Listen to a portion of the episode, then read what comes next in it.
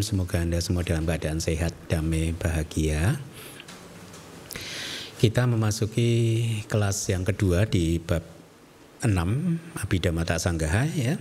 Minggu lalu kita sudah uh, membahas tentang uh, secara garis besar 28 materi rupa yang dibagi ke, bisa dikelompokkan ke dalam dua kelompok besar yang terdiri dari empat maha buta yaitu empat elemen dasar yang besar. Dan sisanya berarti 24 materi adalah upa upadaya rupa ya. E, jangan diterjemahkan menjadi materi sekunder atau turunan ya, tapi terjemahkan menjadi materi yang bergantung pada maha buta atau bergantung pada materi dasar yang besar.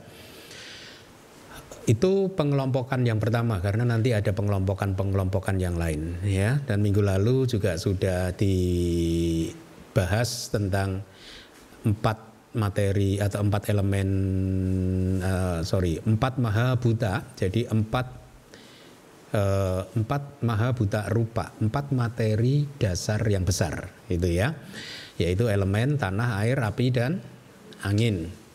Kemudian dari 24 upadaya rupa kita sudah membahas kelompok yang pertama yaitu yang disebut apa bahasa palinya? Pesada rupa. Dan Anda sekarang tahu kalau kita sering berbicara tentang indera mata panca indera itu sesungguhnya pesada rupa. Inilah panca indera ya.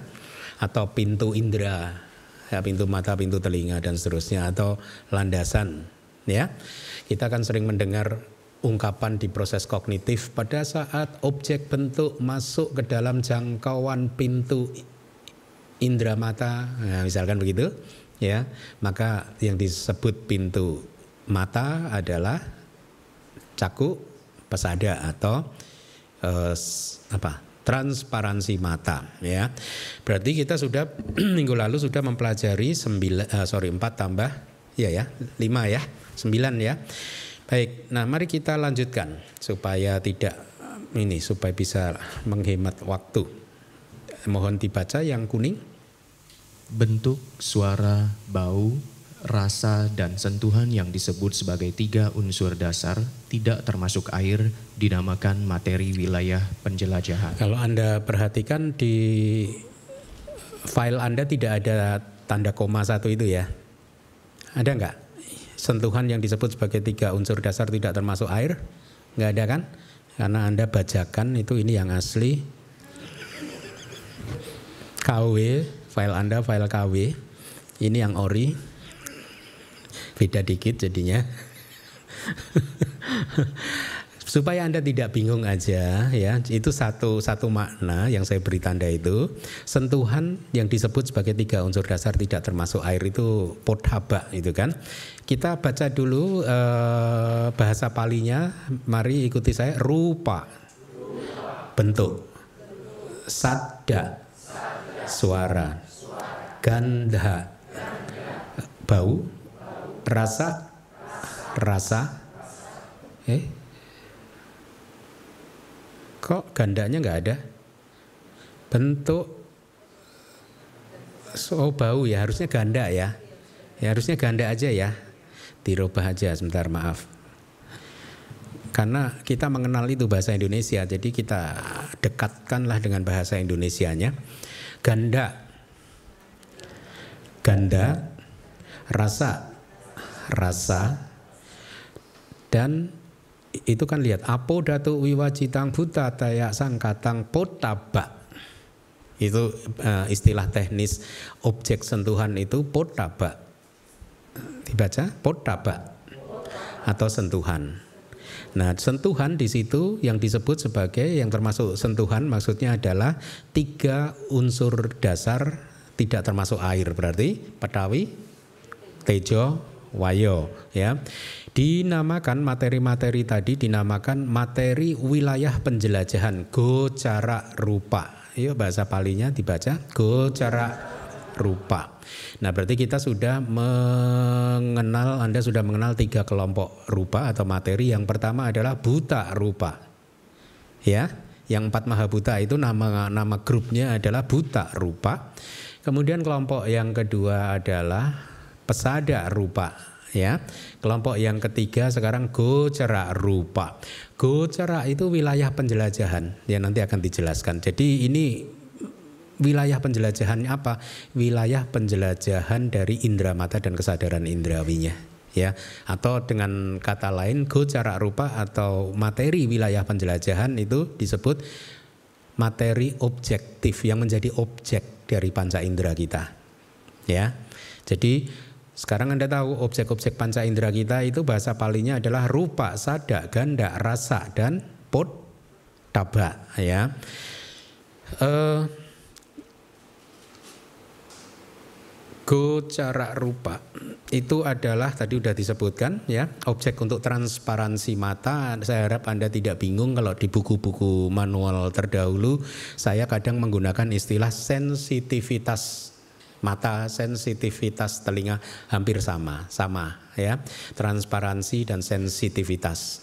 Sebenarnya lebih enak memakai istilah sensitivitas, tetapi demi untuk mempertahankan terminologi yang sedekat mungkin dengan realitas aslinya saya saya putuskan memakai istilah transparansi. Karena untuk menggambarkan kepada Anda bahwa materi ini transparan. Gitu ya. Uh, kita sudah sering mendengar kata rupa sebagai pasangan dari nama kan? Kalau Anda nama dan rupa itu merujuk kepada rupa yang berbeda dengan yang dimaksud di sini. Rupa yang menjadi pasangan nama adalah batin dan jasmani ya. Kalau di sini rupa itu merujuk kepada bentuk, objek bentuk. Kalau rupa ramana berarti objek bentuk ya, wujud itu rupa. Sebenarnya mirip bahasa Indonesia ya. Rupa, kita mengenal kata rupa kan? Apa sih arti rupa kalau di dalam bahasa Indonesia? Wajah ya, rupa, wajah ya. Bentuk juga kan ya, rupa-rupa warnanya gitu, misalkan gitu. Ya, mirip sih, mirip. Oke, Anda sudah mengenal sekarang materi dalam yang disebut realitas hakiki yang menjadi objek dari panca indera kita, ya. Uh, sekarang saya tanya, ada berapa go cara rupa?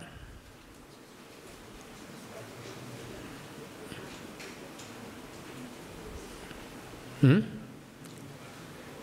Empat, tiga, tujuh, tujuh rupa, sada, ganda, rasa, potabak tiga, patawi, tejo, wayo, tujuh ya. Oke, bagus. Hah?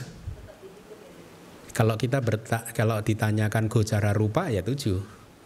Tapi kalau diminta untuk merinci 28 rupa, ya gocara rupanya dikurangi tiga, tapi diberi keterangan seperti di handout itu kan, diberi keterangan kan, dijelaskan kan, ya nomor 13, 14 berarti ya harusnya 13 ya.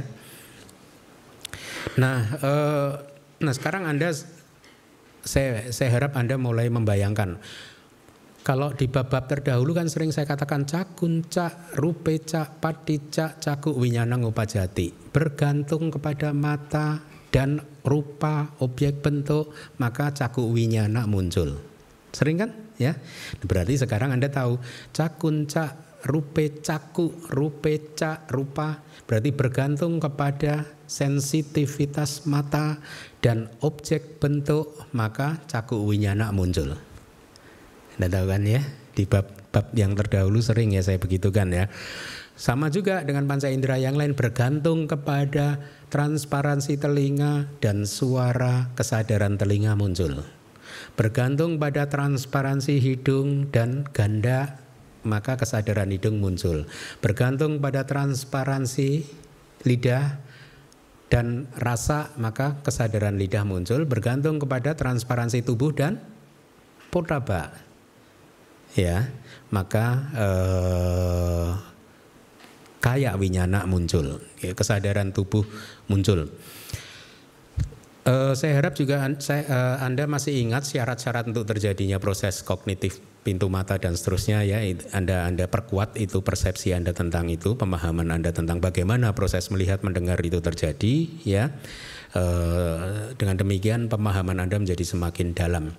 Kita lihat dari Wibawini 3 penjelasannya adalah oleh karena elemen air ya disebabkan oleh sifatnya yang sangat lembut, memiliki kualitas yang tidak bisa disentuh. Maka beliau uh, Acarya Anuruddha mengatakan yang disebut sebagai tiga unsur dasar tidak termasuk air. Ya, uh, saya rasa minggu lalu sudah saya uh, sampaikan cukup detail ya. Uh, ya, ada sedikit tambahan. Kan minggu lalu kita sudah bicara tentang karakteristik dari elemen api kan, yaitu apa? Panas dan dingin. Itu sesungguhnya merujuk kepada satu kualitas saja. Perbedaan intensitas kualitas ya kayak misalkan kalau minimal berarti dingin, kalau maksimal berarti panas. Bukan berarti ada satu wujud tersendiri yang yang bersatu dengan elemen api yang disebut panas atau dingin. Jadi ini satu kualitas saja. Kalau misalkan elemen apinya itu intensitasnya segini maka dia disebut dingin, kalau segitu panas.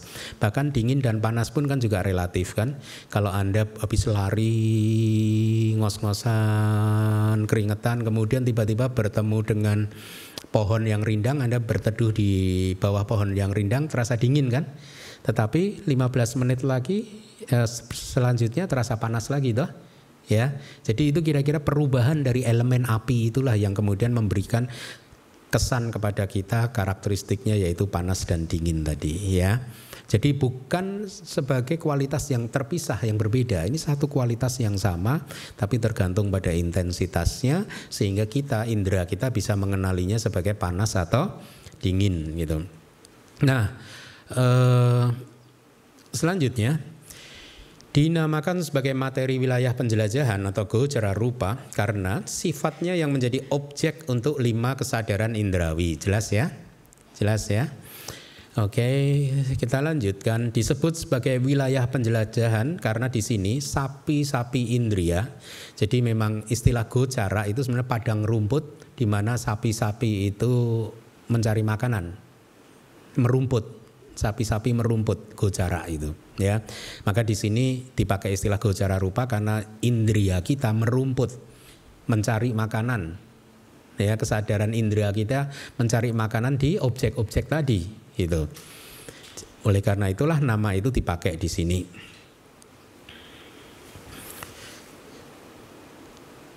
Tetapi pada saat tadi disebutkan bahwa objek mata adalah apa? Rupa. Ya saya ini objek mata anda enggak nah saya ini rupa atau apa? Konsep. Karena rupa itu adalah materi yang sangat kecil sekali ya sangat kecil sekali. Uh, kalau dia muncul dalam satu kelapa pun itu ya uh, istilahnya itu subatomic particle partikel subatomik kecil sekali ya. Itu yang disebut realitas hakikinya. Kalau saya ini konsep. Tapi untuk percakapan sehari-hari ya saya adalah objek mata Anda. Tapi Anda harus harus pahami bahwa objek mata Anda itu sesungguhnya adalah kecil sekali.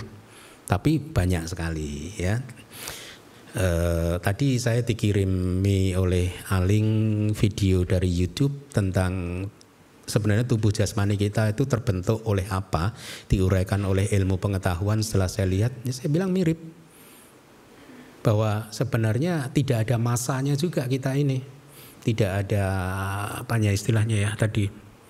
Semuanya itu kayak kosong akhirnya gitu. Tadi di saintis mengatakan kalau diperas-peras tubuh kita itu akhirnya masa yang tertinggal hanya segelas kecil aja gitu. Tapi kalau menurut Budi Sembahkan harusnya kosong semua. Semuanya tidak ada yang tersisa. Tapi apa pun itu mendekati lah ya dengan fakta yang sesungguhnya gitu. Baik. Uh, kemudian silakan dibaca. Feminitas dan maskulinitas dinamakan materi jenis kelamin. Nah, ini kita masuk ke kelompok yang berbeda, kelompok yang keempat ya, bawa rupa. Ikuti saya, bawa rupa. Hawa itu jenis kelamin, rupa itu uh, materi, berarti materi jenis kelamin. Bahasa palinya yang pertama itata. Itu lihat palinya itu. Itata. Ada kan? Feminitas. Purisata. Maskulinitas ya.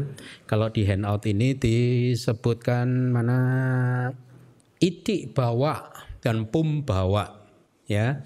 Femininity sama maskulinitas ya sama. Uh, ada yang mau bertanya?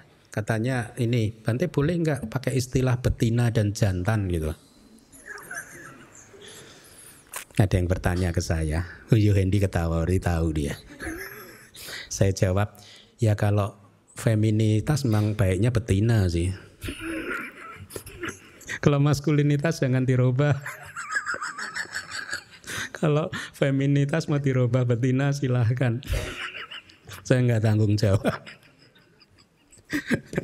salah, salah, salah. Ya, bukan bukan jantan atau betina atau bukan laki-laki atau perempuan, tetapi sifat yang membuat kita tahu bahwa ini adalah laki-laki atau perempuan beda. Jadi makanya keperempuanan sama kelaki-lakian itu arti dari kata palinya itu, ya. Oke, okay. intermezzo ya. Saya menyinggung Anda enggak? Enggak kan? Nyinggung mati, maafin ya. Masa nggak mau? Kita lihat penjelasannya, feminitas atau iti bawa atau tadi itata ya sama. Itata, iti bawa sama adalah jenis kelamin untuk perempuan. Maskulinitas pom bawa atau kata lainnya selain pom bawa apa?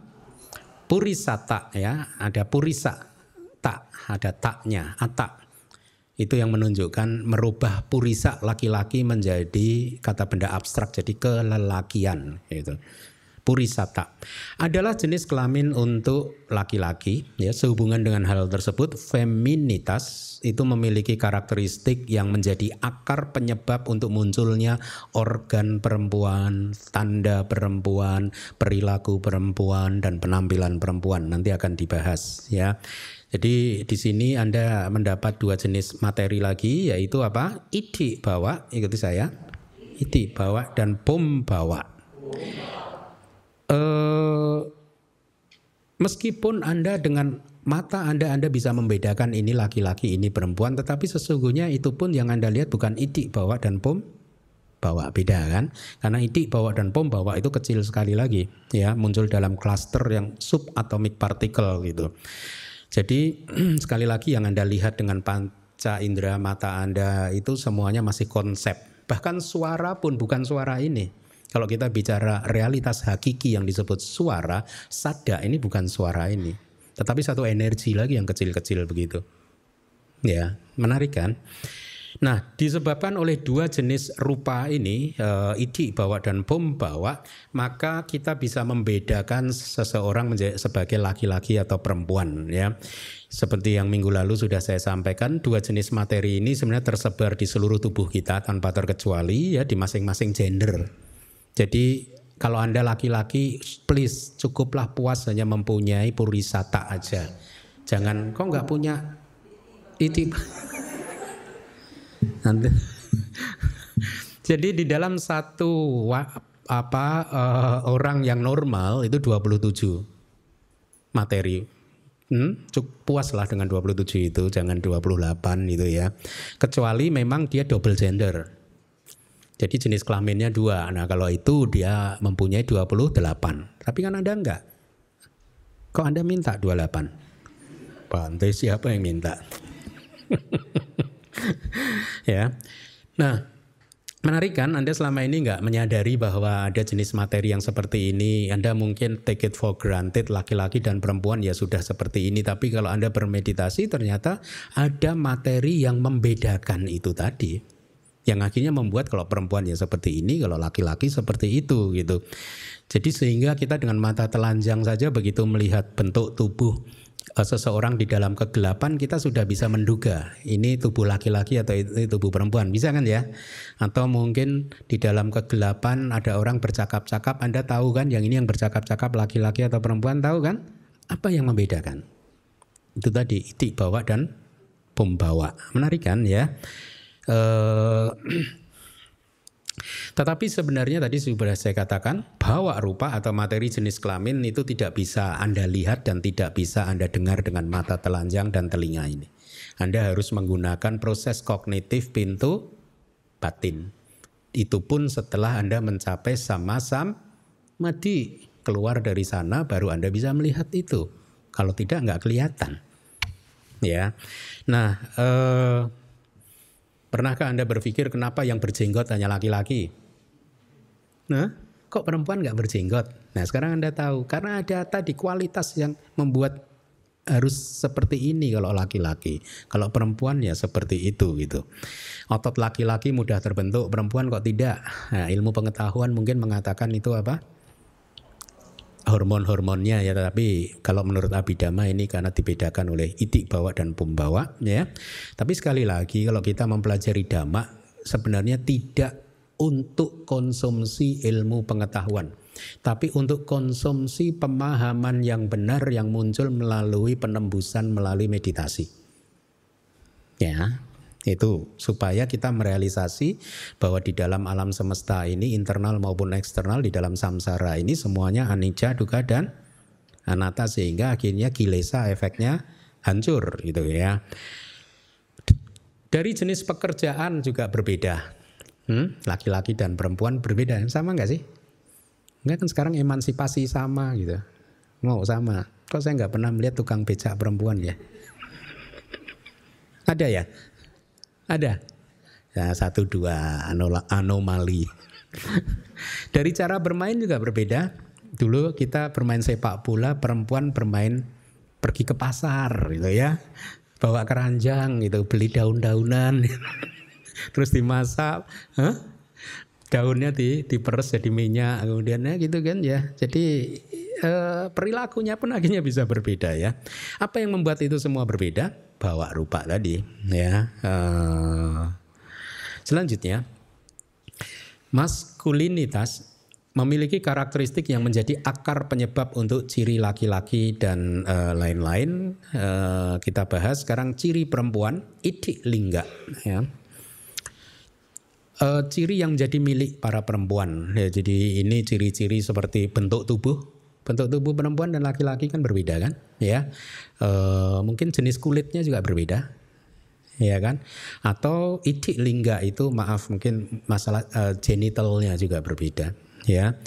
Kemudian e, tanda perempuan atau itik nimita dimaksudkan untuk aksen suara ya perempuan yang menjadi sebab untuk mengenalinya oh dia perempuan gitu ya. Ya itu penjelasan dari kitab sub komentar ya.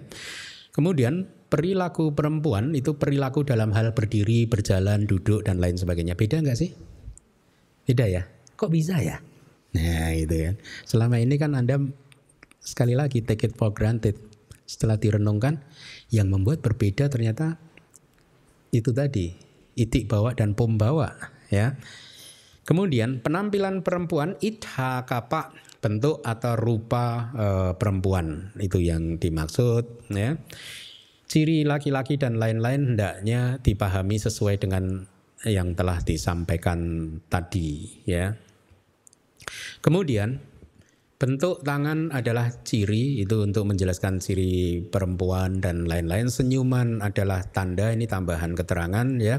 Bermain-main dengan keranjang adalah oh ini berbicara tentang ciri perempuan berarti. Bermain-main dengan keranjang karena kayaknya laki-laki enggak deh adalah perilaku perempuan, cara berjalan dan lain-lain adalah penampilan uh, perempuan. Jadi ciri laki-laki hendaknya dipahami dengan logika yang hampir sama ya. Tapi poinnya adalah yang membuat berbeda ternyata idik rupa dan pom idik bawa dan pembawa gitu.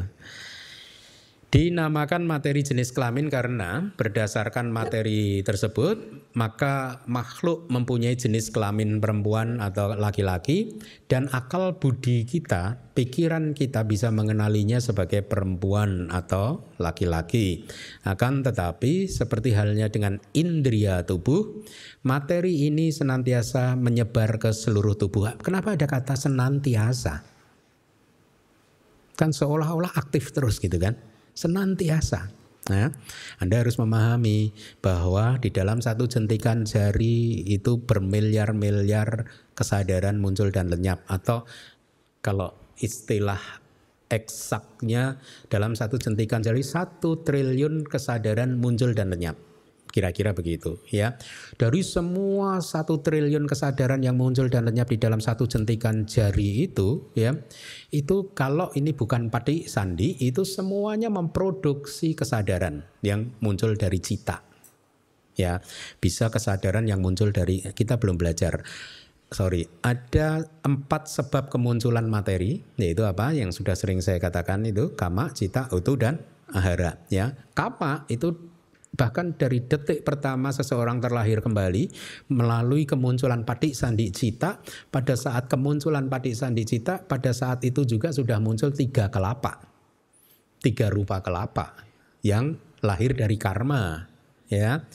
Patik sandi cita memang citanya tidak memproduksi kelapa. Patik sandi cita tidak memproduksi kelapa, tapi patik sandi cita muncul bersama-sama dengan rupa kelapa tiga tiga kalapa yaitu kaya bawa dan waduk. Kaya dasaka yang mem, akhirnya membentuk tubuh kita bawa dasaka jenis kelamin kemudian waduk dasaka yaitu landasan jantung kita itu ya. Dan sejak detik itu dia setiap sub momen tahu kan ya? Setiap sub momen kemunculan kemudian existing, eh, eh, kemudian kelenyapan itu diproduksi terus materi yang lahir dari kama, diproduksi terus seumur hidup sampai meninggal dunia nanti, ya. Dan setelah lenyapnya pati sandi cita muncul kan kemudian bawangga kan. Sejak itulah setiap kemunculan cita memproduksi rupa kelapa yang lahir dari cita. Sejak itu ya. Itulah mengapa ya itu tadi dikatakan senantiasa menyebar ke seluruh tubuh karena jenis kelamin adalah materi yang lahir dari apa?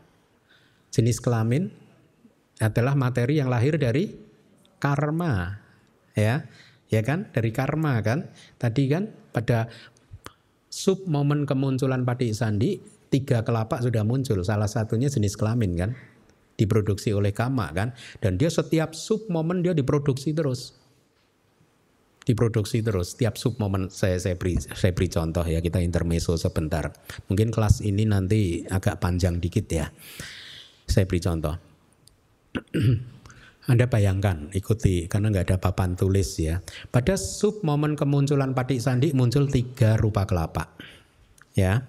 Anda masih ingat usia rupa uh, usia materi itu berapa 17 citakana, momen kesadaran berarti tiga kelapa ini baru lenyap setelah kesadaran ke-17.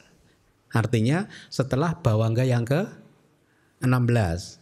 Ya toh, 16 dong kan nama Patik Sandi kan. Berarti Patik Sandi muncul lenyap, bawangga pertama muncul lenyap, bawangga kedua muncul lenyap, bawangga ketiga muncul lenyap dan seterusnya sampai ke 16 kan. Baru yang tiga tadi lenyap. Ya. Jadi di sepanjang 17 cita ini yang tiga tadi eksis ya. Tetapi di setiap sub momen itu memproduksi lagi tiga ini lagi tadi. Sub momen berarti di momen upada titik ya, upada titik, titik apa? Keberlangsungan. Di momen keberlangsungan diproduksi lagi tiga. Hmm, upada tiga, titik tiga, bangga tiga lagi. Setiap sub momen itu memproduksi materi yang lahir dari karma. Ini baru materi yang lahir dari karma ya.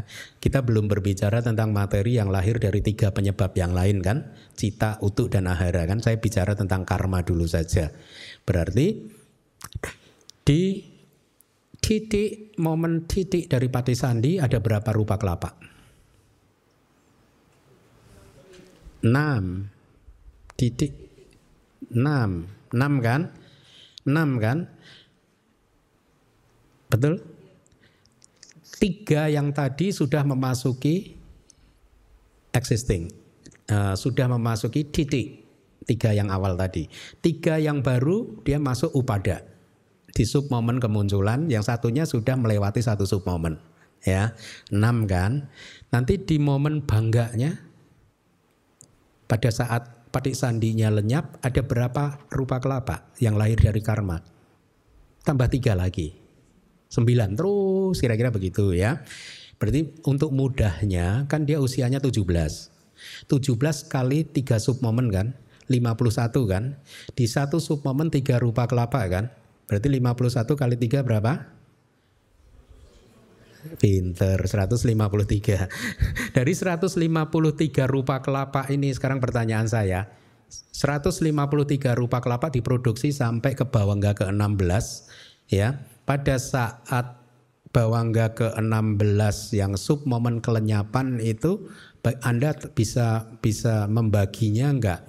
Berapa materi yang masih berada pada momen sub momen upada berapa materi yang sudah berada di sub momen titik, berapa materi yang sudah ber, berada di sub sub momen bangga. ini kita di Myanmar, ini adanya di Myanmar. Di buku Abhidhamma Sanggaha, di buku Wibawinitika nggak ada. Kita dulu berhitung itu di Myanmar, bagaimana akhirnya membentuk bertumpuk-tumpuk rupa kelapa akhirnya membentuk tubuh ini. Kan tadi kan baru satu, baru 17 cita saja sudah mem membentuk berapa tadi? 51 kali 3. 153 kan? Itu baru yang lahir dari karma. Padahal, padahal lagi pada saat Patik Sandi Cita itu mem, uh, muncul bersama dengan tiga rupa kelapa tadi kayak uh, bawa dan waduk dasaka ya yang membentuk tubuh jenis kelamin dan juga jantung di dalam rupa kelapa tiga tadi ada yang disebut elemen api. Ada nggak? Ada kan? Di setiap di setiap kelapa ada satu elemen api. Berarti di tiga tadi ada berapa elemen api? Tiga elemen api kan? Tiga elemen api ini menja akan memproduksi lagi rupa kelapa yang lahir dari utuh temperatur. Tetapi dia baru memproduksi setelah patik sandi lenyap berarti di bawangga pertama. Kalau karma, eh, sorry, kalau materi yang lahir atau materi dengan sebab kemunculan cita, eh, sorry karma, dia diproduksi di setiap sub momen. Dia diproduksi terus setiap sub momen, ya, sejak pati sandi. Tetapi materi yang lahir dari cita itu tidak diproduksi di setiap sub momen, tapi diproduksi di setiap kemunculan. Dan itu pun dimulai dari bawangga pertama. Karena Pati Sandi Cita tidak memproduksi materi. Pati Sandi tidak memproduksi materi, banyak bawangga dan yang lainnya gitu. Termasuk yang tidak memproduksi materi itu ya uh, uh, hmm? Rup, arupa arupa uh, cita arupa wacara cita yaitu tidak memproduksi materi. Panca Dwara Wajana juga. Panca Dwara. Nah kembali lagi. Berarti di bawangga yang pertama tadi setelah kelenyapan Padik Sandi, satu elemen api memproduksi lagi rupa kelapa yang lahir dari temperatur. Berarti ada berapa rupa kelapa? Di, di sub momen kemunculan bawangga pertama ada tiga. Karena kan elemen apinya tiga toh. Ya enggak? Ditambahkan yang tadi berapa? Wah, nanti ini dari tiga ini tadi masing-masing ada elemen apinya memproduksi lagi. Tap, tap, tap. Itu baru 17 cita saja nanti Anda akan ketemu banyak rupa kelapa bertumpukan gitu. Sikut, sikutnya gitu. Baru 17 cita loh. Ya. Nah, sekarang udah umur 30, 40, 50 jadinya kayak gini ini. Dia bertumpuk-tumpuk gitu ya akhirnya kasar-kasar-kasar bisa terlihat dengan mata. Dulu kita di Myanmar berhitung seperti itu, bahkan termasuk waktu seseorang meninggal dunia itu dihitung juga rupa kelapanya bagaimana gitu. Dan itu nggak ada di kitab-kitab ini, makanya hebatnya Myanmar itu begitu, kitabnya lengkap. Nanti kalau kita punya waktu saya akan akan kupas ini, tapi mungkin di kelas terakhir kalau nggak ada waktu ya berarti kita saya masukkan di buku nanti. Ya. Oke. Okay. Itulah mengapa tadi dikatakan materi ini senantiasa menyebar ke seluruh tubuh karena setiap sub momen dia diproduksi baru terus, produksi baru terus, produksi baru terus. Ada yang baru, ada yang mati, ada yang baru, ada yang mati kan gitu kan? Ya. Makanya dipakai kalimat senantiasa gitu. Sangat teliti ya guru-guru masa lalu itu ya. Kemudian kita masuk ke kelompok lain yang berikutnya silakan dibaca. Landasan jantung dinamakan materi jantung. Iya. Eh, nama kelompoknya materi jantung yaitu hadayak rupa itu sudah saya beri warna kuning jenis atau nama realitas hakikinya adalah hadaya watu yaitu landasan jantung ya penjelasannya adalah sebagai berikut yang disebut sebagai landasan jantung adalah sebenarnya jantung itu sendiri yang juga merupakan landasan yang dipakai oleh kesadaran untuk bergantung itu maksudnya begitu ya dari 89 cita ada berapa kesadaran yang bergantung pada hadaya watu untuk kemunculannya? Hmm? 75? Benar. Apa saja? Yang tidak bergantung apa? Hmm? Harupa wipaka 4. Terus? Dwi pancawinyana 10 berarti dikurangi 10 plus 4 ya. Berapa? 75 ya. Eh, iya, 75. Benar. Benar. Ya. Tetapi ada yang selalu dan ada yang kadang-kadang kan? Masih ingat nggak? Yang kadang-kadang apa? Hmm. Hmm? Hmm, ada yang masih ingat ya? Ada yang dia kadang-kadang muncul melalui landasan hati tapi kadang-kadang juga e, bisa muncul tanpa landasan hati kalau dia muncul di arupa bumi ya. nah, berkaitan dengan hadaya watu landasan jantung ada inf, uh, satu informasi yang ingin saya sampaikan kepada Anda bahwa di Dhamma Sanggani kitab Abhidhamma Pitaka yang pertama tidak ditemukan istilah hadaya watu waktu merinci rupa. Jadi di di Damasanggani kita hanya mendapatkan 27 rupa tanpa hadaya watu. Nah ini yang kadang buat mereka yang pengetahuannya kurang lengkap akhirnya mengatakan ada inkonsistensi di antara ajaran Buddha. Buktinya di Damasanggani hanya ada 27 rupa saja. Itu karena mereka pengetahuannya kurang lengkap. Ya. Sesungguhnya tidak ada inkonsistensi apa pun. Kenapa? Karena yang akhirnya disebut sebagai hadaya watu itu dimuat di dalam kitab ketujuh yang disebut kitab Padhana Abhidhamma Pitaka yang ketujuh. Di sana itu ada kalimat kira-kira yang rupang nisaya mano datuca mano winyana datuca watati. Kemudian tang rupang tang sampayuta kanang damanca Eh, nisaya peceye nak peceyo. Ya, jadi di dalam kitab Padana itu ada kalimat Pali tadi yang kira-kira artinya bergantung kepada rupa yang itu mano datu dan mano winyana datu muncul. Mano datu itu apa? Uh, elemen batin tiga kan?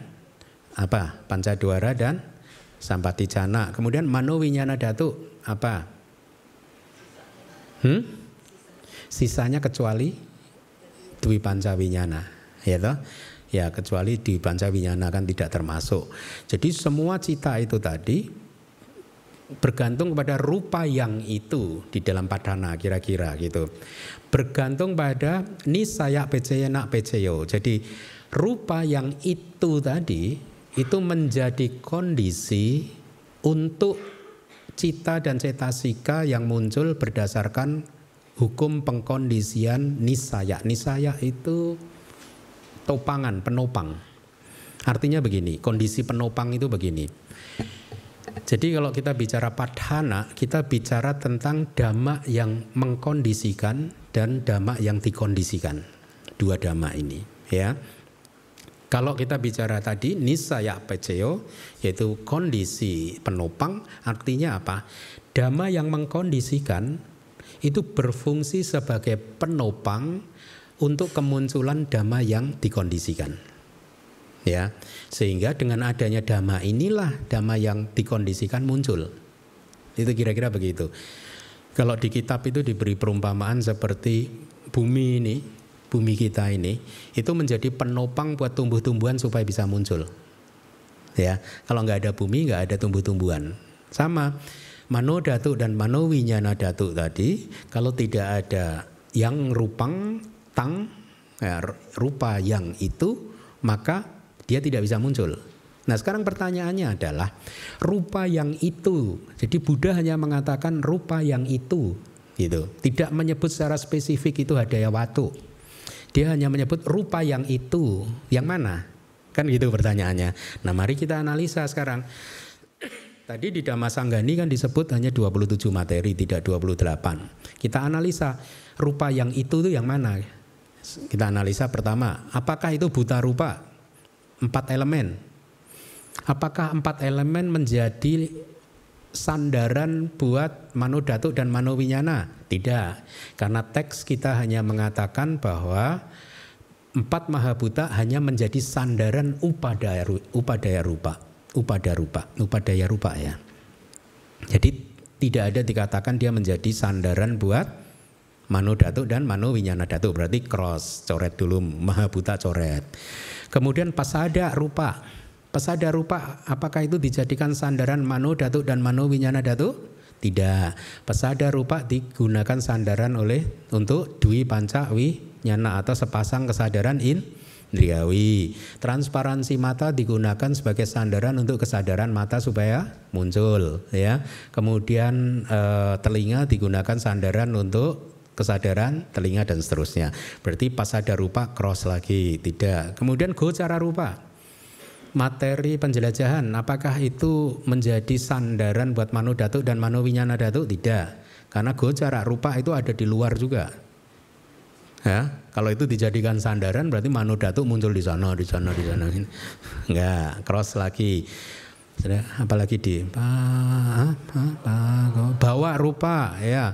Apakah bawa rupa menjadi sandaran buat? Enggak karena bawa rupa ternyata menjadi sandaran untuk kualitas jenis kelamin laki-laki dan perempuan. Jadi cross lagi. Hadiah waktu tadi.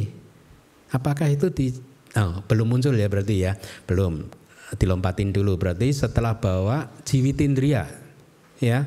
Jiwitindria rupa yaitu materi indera kehidupan.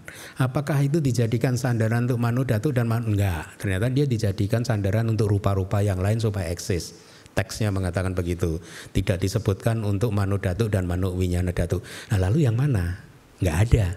Ternyata dari 18 materi yang nyata tadi itu nggak ada disebut. Oh berarti ada rupa yang lain yang dimaksud oleh Buddha yang kemudian komentator menggunakan istilah rupa yang lain itu sebagai hadaya watu landasan jantung. Nah sekarang pertanyaannya bagaimana komentator bisa memberikan istilah itu landasan jantung? Jawabannya adalah karena ternyata sesuai dengan praktek mano datuk mano winyana datuk munculnya di sini. Tidak di mana-mana, munculnya di jantung, di landasan jantung. Dan itulah mengapa kemudian sejarahnya muncul komentator memperkenalkan istilah hadaya watu Ya, jadi tidak ada inkonsistensi. Sekarang Anda paham ya. Selanjutnya ada pertanyaan sampai di sini? Enggak ya, karena enggak paham juga kan? Kita lanjut. Sedih kadang saya. Jadi landasan jantung mempunyai karakteristik sebagai kondisi untuk bersandar buat sepasang elemen. Apa tadi? Apa saja? Mano datu dan manowi nyana datu. Elemen batin dan elemen kesadaran batin. Ya itu sepasang elemen. Dan ini ada di ruang bagian dalam jantung dengan bersandar pada darah sebanyak setengah genggam tangan. Nah ini bu dokter yang bisa ini. Ya ada pesata itu setengah genggam, ada pesata setengah genggam tangan gitu, darah. Nah, itu itu dari kitab ininya. Tetapi memang realitasnya munculnya memang di sini. di daerah dada. Di Hadayawatu inilah kalau Anda bermeditasi Anda mengamati banyak sekali cita di situ, termasuk faktor-faktor jana. Ya, Anda melihat ada berapa faktor jana muncul ya di Hadayawatu itu. Ya, banyak cita yang bisa diobservasi, diamati di Hadayawatu. Ya, selain Dwi Pancawinyana, ya itu uh, apa lagi? Ya, selain Dwi Pancawinyana dan arupa wipaka nggak muncul kan di sini kan ya itu bisa dilihat di sana melalui mano dwara witi proses kognitif pintu batin ya kemudian yang berikutnya dibaca Indra kehidupan dinamakan materi kehidupan ya ini saya rasa file anda juga berbeda kan hmm? makanya jangan cari yang KW Carilah yang ori. Anda sih sukanya KW sih. Ini ori nih. Bisa aja Bante ini. ini karena saya diprotes Aling loh, saya cepat-cepat saya rubah aja. Langsung, terus saya cari alasan untuk ngeles. Nah itu tadi KW. Baca bahasa palinya jiwita rupa. Ya, itu materi kehidupan, wujud realitas hakikinya disebut jiwitindriya rupa. Materi indera kehidupan. Huh? Oh ya, materi indera kehidupan. Nanti saya akan jelaskan di bab-bab berikutnya Anda akan mulai ketemu istilah indria atau indra itu kayak raja, ya. Jadi mungkin untuk prolog Anda boleh boleh pahami. Ada 22 uh, indria, ada 22 indra, ya. Indra itu raja. Ya, dewa Indra, jadi dewa raja dari para dewa misalkan begitu ya. Maksudnya apa? Karena dia sebagai raja, dia sebagai pemimpin. Pemimpin di mana? Pemimpin di wilayahnya. Di wilayahnya di mana? Misalkan di wilayah proses melihat maka yang menjadi raja itu adalah cakundria yaitu indria mata malah yang jadi raja indria mata bukan kesadaran matanya yang jadi raja itu artinya apa? Kualitas penglihatan yang dihasilkan melalui mata ini sangat ditentukan oleh kualitas rajanya. Paham nggak? Kalau indera matanya sehat nggak usah pakai kacamata. Tajam. Karena indera matanya sang rajanya sehat. Tapi kalau indera matanya diminta murid Abhidhamma setiap tahun dua buku terbit ya. Akhirnya ini kacamatanya makin tebel makin tebel ini ya itu itu kehebatan murid Abhidhamma di DBS bisa mempengaruhi indera raja. Cakun indria itu tadi apa cakup pasada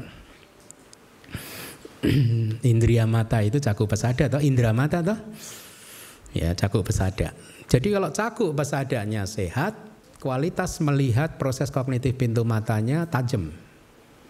Tapi kalau cakup pesadanya tidak sehat, maka kualitasnya remang-remang. Itulah makna dari indria raja. Ada 22 indria nanti Anda belajar di bab ketujuh itu ya. Cakundria, cakundria, sotindria, uh, ganindria, kemudian jiwindria, kayindria, purisindria, idindria, purisa juga apa uh, apa tadi? Purisata dan idata juga itu indria. Juga dia menguasai. Kalau udah jadi raja dia menguasai. Makanya akhirnya dibentuklah tubuh perempuan seperti ini, tubuh laki-laki seperti ini gitu. Somanasindria. Nah, Somanasa juga menjadi raja juga. Kalau dia muncul dia udah Anda kalau lagi Somanasa citanya wedananya muncul kayak apa? Hah? Cita dan cetasika yang lain nggak kelihatan kan? Ya, yang Anda rasakan Somanasa Wedana aja kan? Ya nggak padahal ada pasa, ada sanya, ah cuekin. Yang penting somanasa indria. ya nggak? Domanasa indria juga begitu. Domanasa juga jadi indria loh. Hmm? Kalau dia muncul cita dan cetasika yang lain udah kelelep, bisa tenggelam. Betul tidak sih? Ya. Terus apa lagi? Oh ada sada wirya sati sama dipanya yang lain-lain. Ya ada 22 lah indria itu. Ya. Nah, yang ingin saya sampaikan sekarang Anda tahu bahwa sifat dari indria itu adalah sebagai raja yang benar-benar mengendalikan wilayahnya masing-masing. Ya. Kalau materi transparansi telinga menjadi indria, maka dia, uh, dia kan indria juga, memang indria harus jadi indria, dia menjadi raja. Kalau transparansi telinganya lemah, ya pendengarannya lemah. Kira-kira begitu ya, paham ya?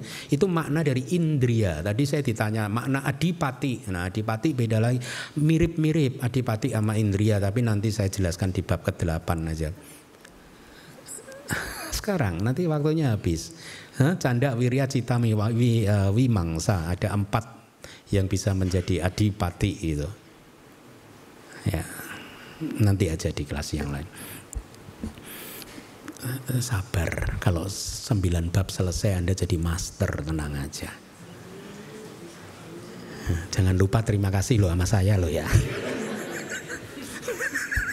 Bercanda. Awas kalau nggak terima kasih ini mata sampai kayak gini loh. Bantu ini ada aja Yuk kita lihat penjelasannya. E, disebut sebagai kehidupan karena disebabkan olehnya mereka hidup apa? Materi-materi yang muncul bersamanya hidup. Jadi rupa kelapa hidup karena jiwitindria. Ya, materi yang muncul bersamanya jadi hidup. Materi itu sendiri adalah indera kehidupan, ya, yang berkuasa. Ini lihat dalam penjagaan terhadap materi yang lahir dari kama. Jadi tidak Jiwitindria adalah raja yang menguasai semua materi yang lahir dari kama, yang muncul di dalam satu klaster yang sama. Tidak klaster yang berbeda, tidak kelapa yang berbeda ya. Paham nggak? Klaster kelapa itu ya kecil-kecil gitu. Ya subatomic particle kecil-kecil. Kayak kalau Anda belum memahami untuk mempermudah Anda, cita akan muncul plus cetasika toh Ya sama. Jadi materi juga rupa juga muncul dalam kelompok yang disebut klaster tadi. Ya, kelapa. Oleh karena itu, materi tadi, jiwitindria itu memiliki karakteristik penjagaan terhadap materi yang lahir dari eh, kama, ya. Tapi pemahamannya adalah yang muncul di dalam satu klaster yang sama. Bukan kalau klaster berbeda udah wilayahnya berbeda. Ya, itu wilayah tetangga sebelah, toko sebelah. Jadi Jiwitindria yang di sini tidak bisa dia sampai ke sana. Kemudian tadi ada kata-kata sebagai penjaga itu artinya menjadi kondisi penyebab perwujudan damak materi yang lahir bersamanya yang seperti dirinya sendiri hanya bertahan untuk sesaat saja. Apa itu artinya Bante? Maksudnya Jiwitindria ini menjaga individu-individu materi yang muncul bersamanya di dalam satu klaster sehingga dia bisa mempertahankan eksistensinya sampai waktunya tiba untuk lenyap. Itu yang mempertahankan kehidupannya adalah jiwitindria. Ya, lalu ada pertanyaan, kalau jiwitindria itu mempertahankan kehidupan materi-materi yang lain yang muncul di dalam satu klaster yang sama tadi, yang mempertahankan jiwitindria siapa? Ada kan? Kayaknya di bab 2 sudah saya sampaikan. Yang mempertahankan dirinya sendiri. Diberi contoh, tukang perahu menyeberangkan orang-orang dari satu apa itu? Hah? Satu sisi sungai apa istilahnya? Sisi, sisi sungai ya? Hah? Satu pinggir sungai? Satu tepi sungai? Ada sepuluh orang katakanlah, sembilan orang minta diseberangkan ke tepi sungai yang lain ya oleh satu tukang perahu kan apa itu istilahnya ya berarti sepuluh orang klasternya isinya 10 gitu. Yang sembilan orang diseberangkan ke sampai ke sana ketujuannya oleh tukang sampannya tadi, tukang sampannya juga sampai ke sana oleh dirinya sendiri. Kenapa bisa begitu? Karena mereka berkaitan kalau di dalam teks. Begitu dia berkaitan begitu, satu sampai ke sana, yang lain juga ikut. Satu bisa berlangsung muncul bertahan lenyap, yang lainnya juga ikut muncul bertahan lenyap. Paham? Itu dari teks, ya. Belum tentu nanti di buku. Hmm.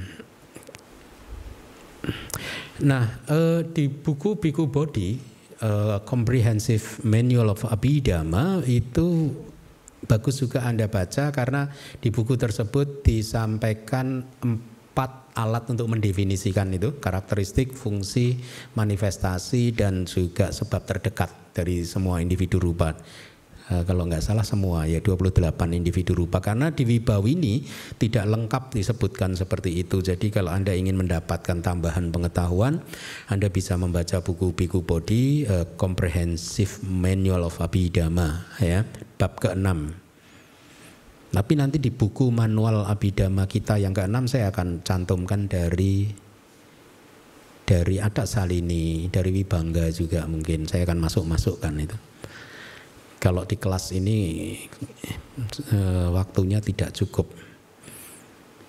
Oke, okay, paham ya? Jadi jiwi tindria menjaga eksistensi atau keberlangsungan klaster ya, materi yang muncul di dalam satu klaster yang sama. Kemudian makanan yang dapat dimakan dinamakan materi sari makanan. Bahasa palinya ahara rupa ahara adalah makanan, rupa adalah materi, maka disebut di sini materi sari makanan. Yuk, materi sari makanan. Kenapa saya beri kata sari makanan? Karena akan berbeda maknanya dengan makanan seperti biasa. Kayak minggu lalu yang ditanyakan oleh saudara Yohendi, boleh enggak disebut materi makanan itu eh, sari makanan itu kabali kara? Di situ ada itu kan kabali kara ahara kan? Ya. Uh, Abhidhamma Sanggaha mencantumkannya seperti ini tetapi kitab sub komentarnya ya akan menjelaskan berbeda di slide berikutnya. Tapi minggu lalu sudah saya jelaskan kan kabali kara ahara adalah makanan yang dibuat dalam satu genggaman kemudian dimakan ya. Dan minggu lalu juga sudah saya jelaskan sebenarnya realitas hakiki yang disebut ahara rupa adalah pada saat makanan tadi bertemu dengan lidah kita bercampur dengan saliva kita. Apa itu saliva? Air liur kita. Kemudian ditelan. Nah itu jadi ahara rupa. Realitas hakiki. Jadi kabali kara ahara itu bukan realitas hakiki. Paham ya? Itu konsep. Tetapi Abhidhamma Sanggaha begitu menyebutnya. Nggak apa-apa. Berarti salah nggak? Enggak juga. Karena Sanggaha menyebutnya seperti itu. Itulah mengapa kita harus membuka kitab sub komentarnya tafsirnya subtafsirnya ya. Atau ada permainan kata kabali kara ahara. Kabali kara itu kabala bisa. Kabala plus ahara. Kabala itu sama kepalan kepalan. Mirip ya kabala kabala kepalan ya. Mirip. Mirip sih artinya juga begitu sih. Satu kepal yang bisa disuap. Kalau orang zaman dulu kan kalau mau makan kan memakai tangan gitu kan. Nah itu kabala kabala ahara jadi ahara rupa adalah kabali kara ahara, bukan kabali karo aharo ya. Kabali kara ahara.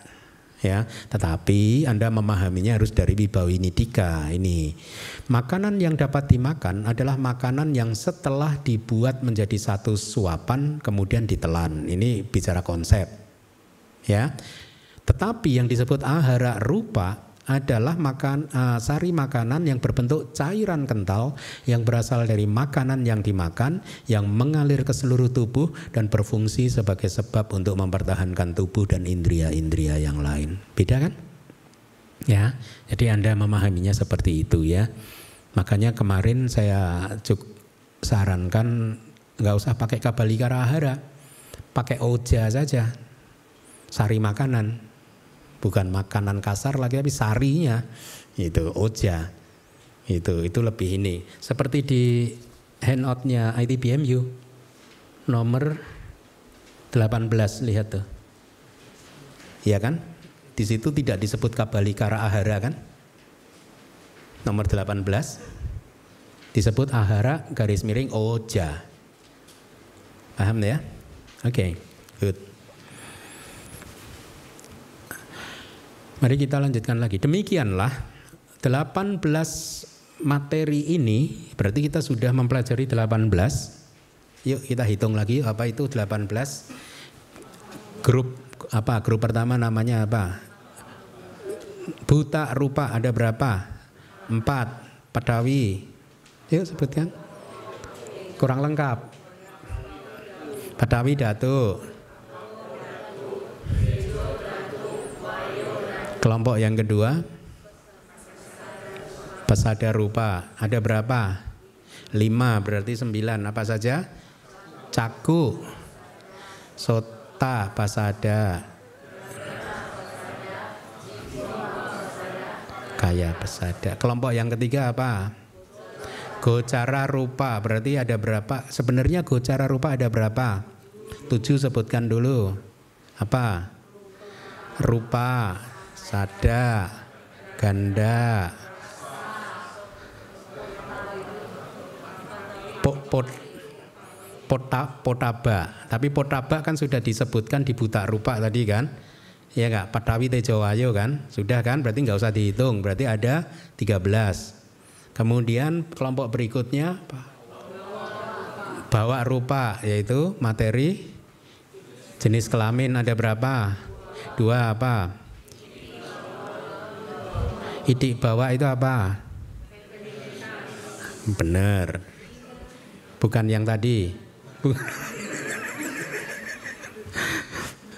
Idik bawa terus? Idik bawa mempunyai nama lain apa? Idata.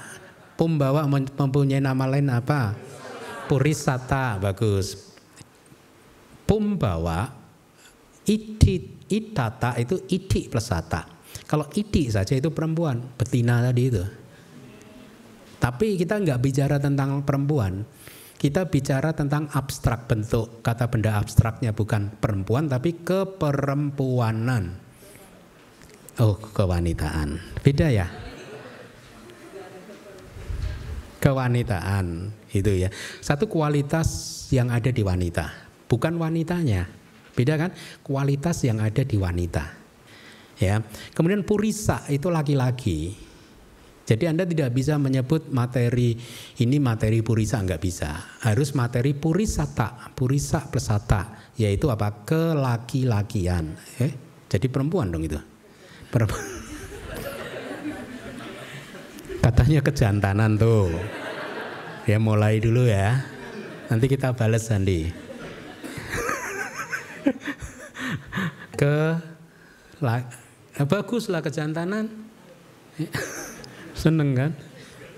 Kenapa kalau kebetinaan nggak mau?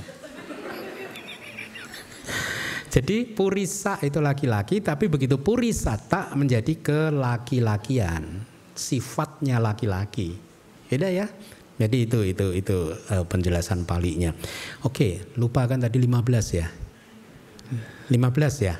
15 itik bawa puris pom bawa. Kemudian apa? Hadaya rupa, materi jantung saat berapa? 16. Berarti terus Jiwitindria rupa ada berapa?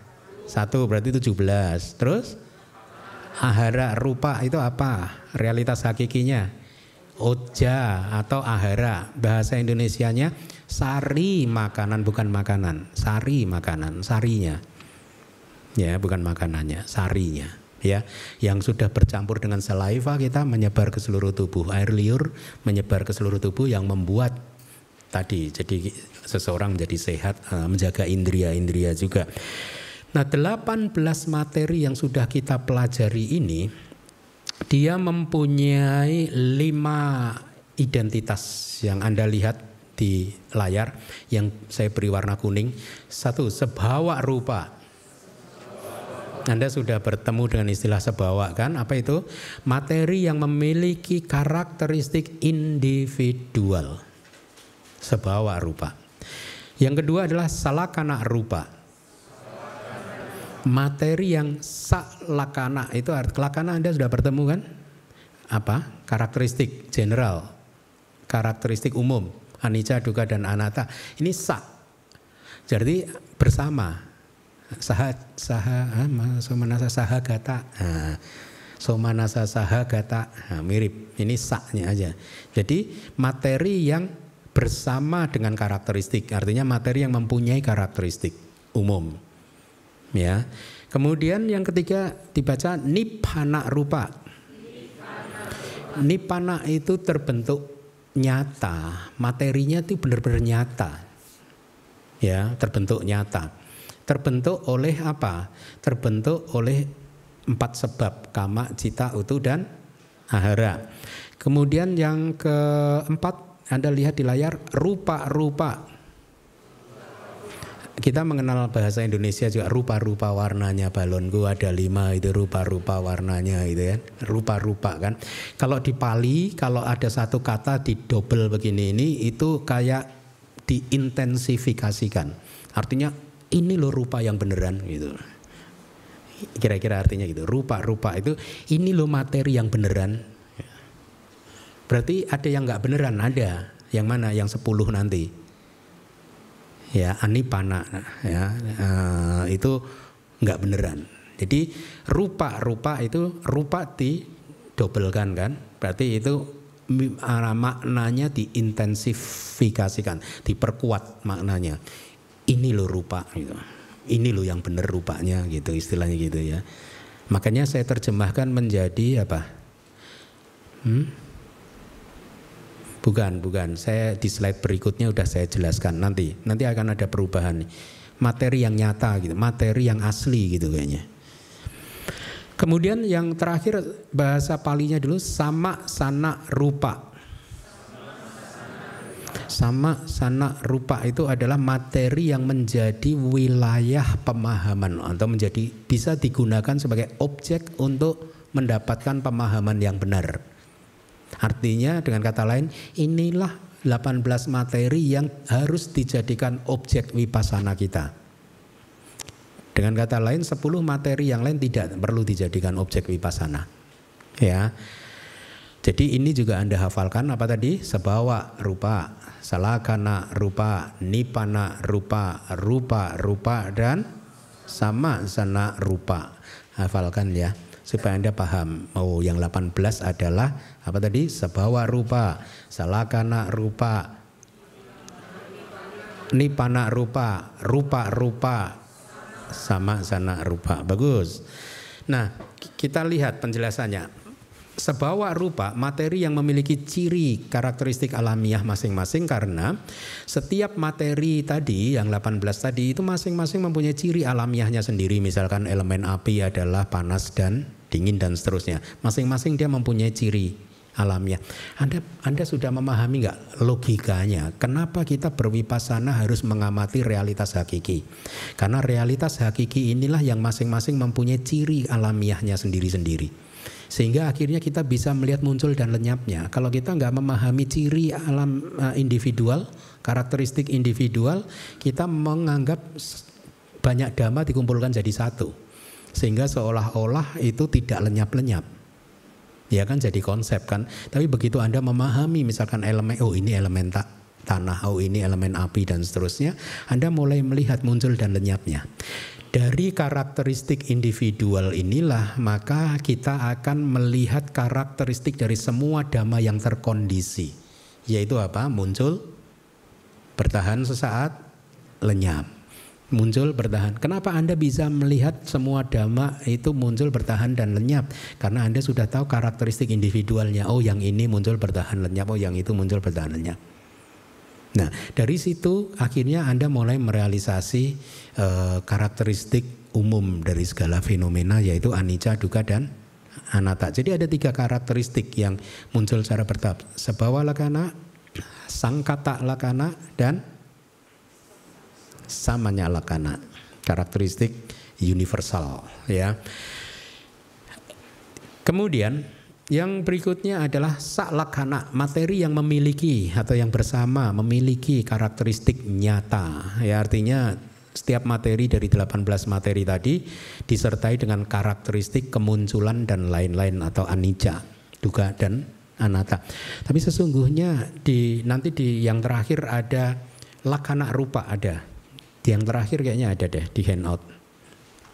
Ada empat lakana rupa upacaya, santati, jarata, dan anicata kan? Ada ya? Di ke terakhir kayaknya ya, materi yang terakhir. adalah kana rupa.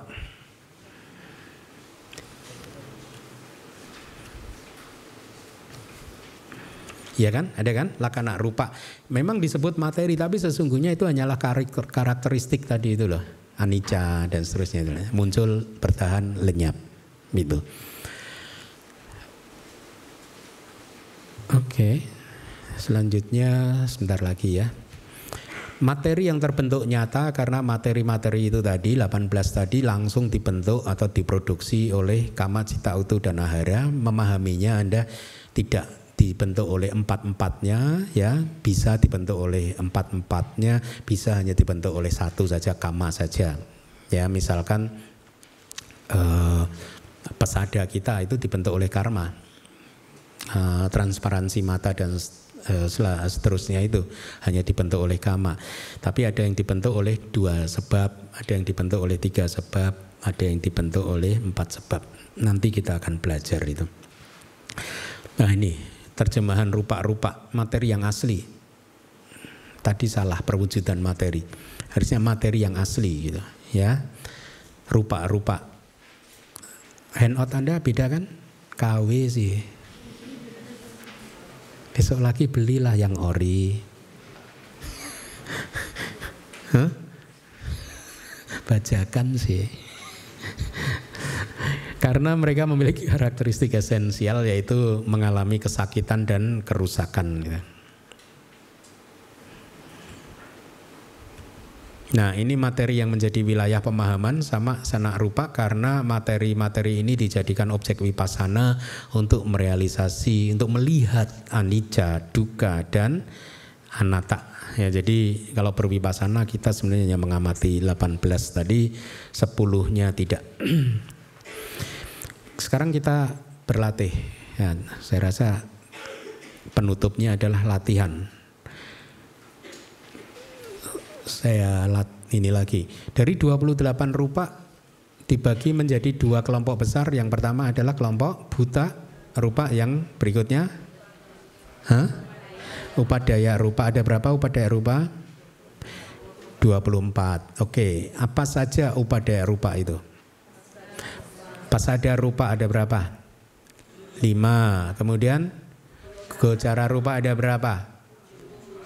Tujuh atau empat? Gocara rupa tujuh atau empat? Nah tujuh. Kok ada yang jawab empat tadi? Yang jawab empat belajar di mana Anda? di sini. Gocara rupa ada tujuh, Patawi, Apo, Tejo, dan eh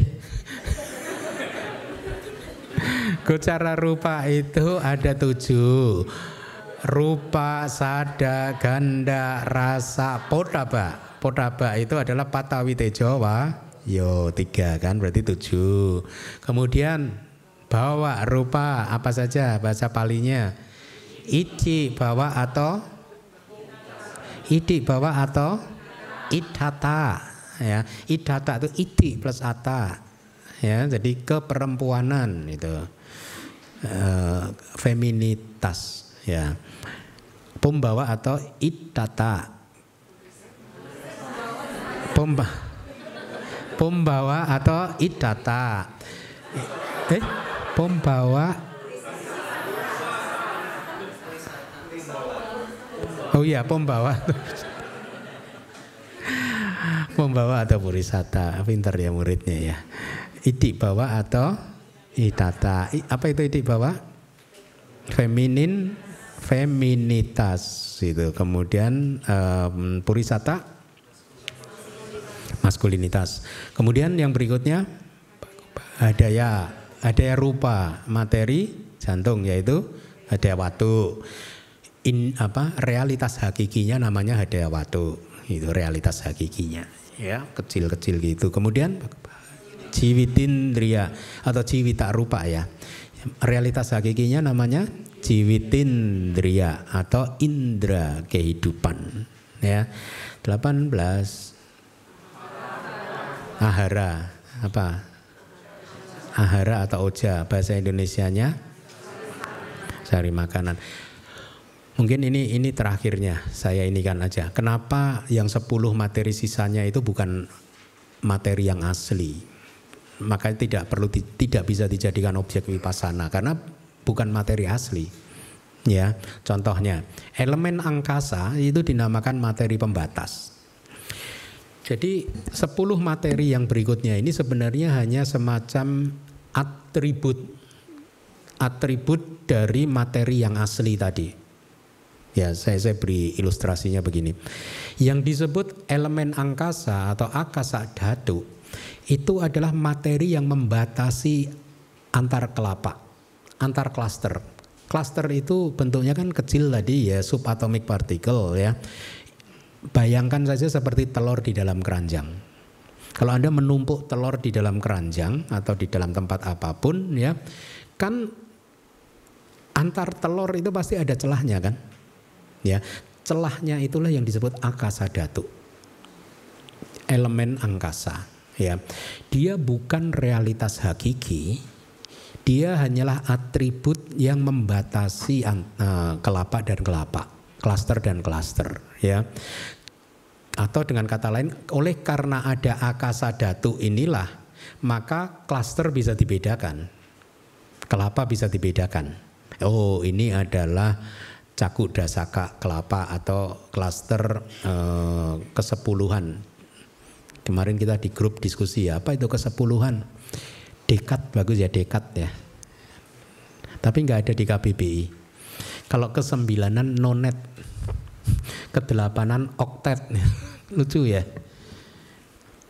Ya, kesepuluhan mata atau cakuk dasaka kelapa kan klaster kesepuluhan mata dan mungkin klaster yang lain jadi bisa dibedakan karena ada angkasa ini tadi ya tapi sesungguhnya angkasa itu bukan realitas hakiki. Dia hanya atribut saja. Karena dialah maka elem uh, klaster-klaster bisa dibedakan. Karena dialah maka kita bisa mengenali realitas hakiki. Itu istilahnya begitu. Ya, termasuk juga mungkin kayak winyati, waci winyati itu menarik. Mungkin minggu depan akan saya jelaskan. Isyarat tubuh dan isyarat lisan atau isyarat ucapan itu juga bukan realitas hakiki sebenarnya. Isyarat tubuh itu sebenarnya hanyalah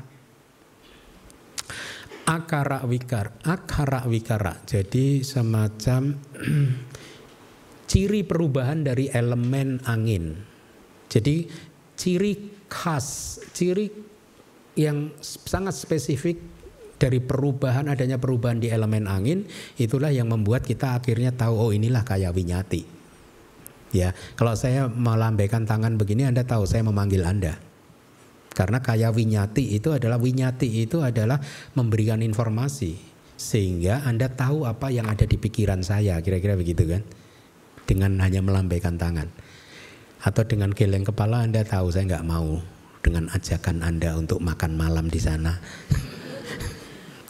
anda tahu ya. Jadi tapi kaya winyati ini bukan materi, bukan realitas hakiki. Dia hanyalah akara wikara dari elemen angin. E, ciri khusus dari perubahan yang terjadi di elemen angin yang dihasilkan oleh pikiran kita. Ya. Sehingga akhirnya kita, orang yang melihat tangan saya ini tahu kalau saya memanggil mereka. Kira-kira begitu. Nah, waci winyati. Waci winyati atau isyarat uh, ucapan atau isyarat lisan. Mana sih lebih bagus ucapan atau lisan?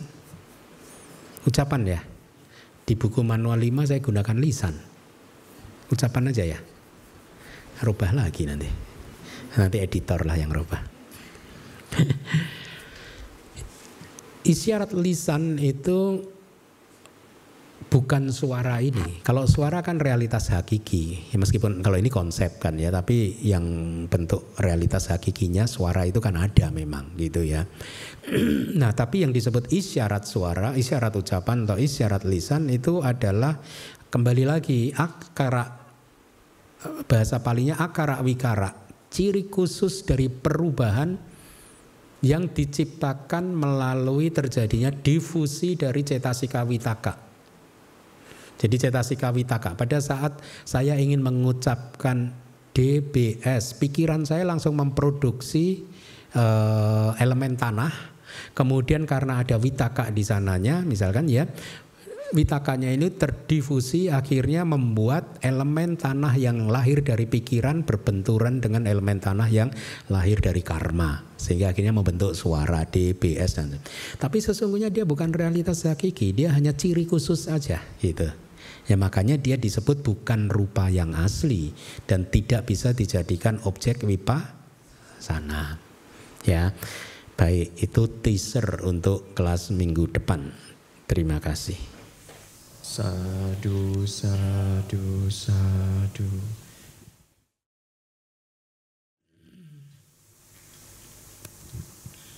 Namo budaya Bante. Saya mau tanya, kalau misalnya eh, hadaya waktu itu kan ada di jantung Bante. Kalau misalnya satu saat orang itu mengalami operasi transplantasi jantung, apakah dia masih individu yang sama secara batin atau bagaimana Bante maksudnya? Ya, Uh, bentar. Ya, baik. Ada lagi?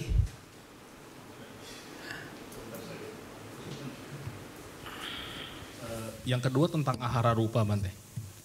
Uh, tubuh kita ini kalau misalnya kita makan karbohidrat terlalu banyak, kita akan menyimpan sebagai lemak. Dan lemak ini kan dianggap sebagai cadangan makanan, Bante apakah kalau misalnya satu saat misalnya kita kelaparan dan lemak ini dipakai sama tubuh kita untuk hidup, apakah lemak itu juga termasuk dalam ahara rupa Bante? Terima kasih. Ya, yang pertama adalah tentang jantung kalau transplantasi jantung. Nah, saya ingat-ingat dulu kita pernah berdiskusi itu di Myanmar tentang hal ini uh, tahun 2003 itu. saya agak lupa dulu diskusinya itu Katanya kalau ditransplantasi jantung sebagian sifat dari orang yang punya jantung akan ada yang ini ya, tertular gitu ya, enggak? Bener enggak itu?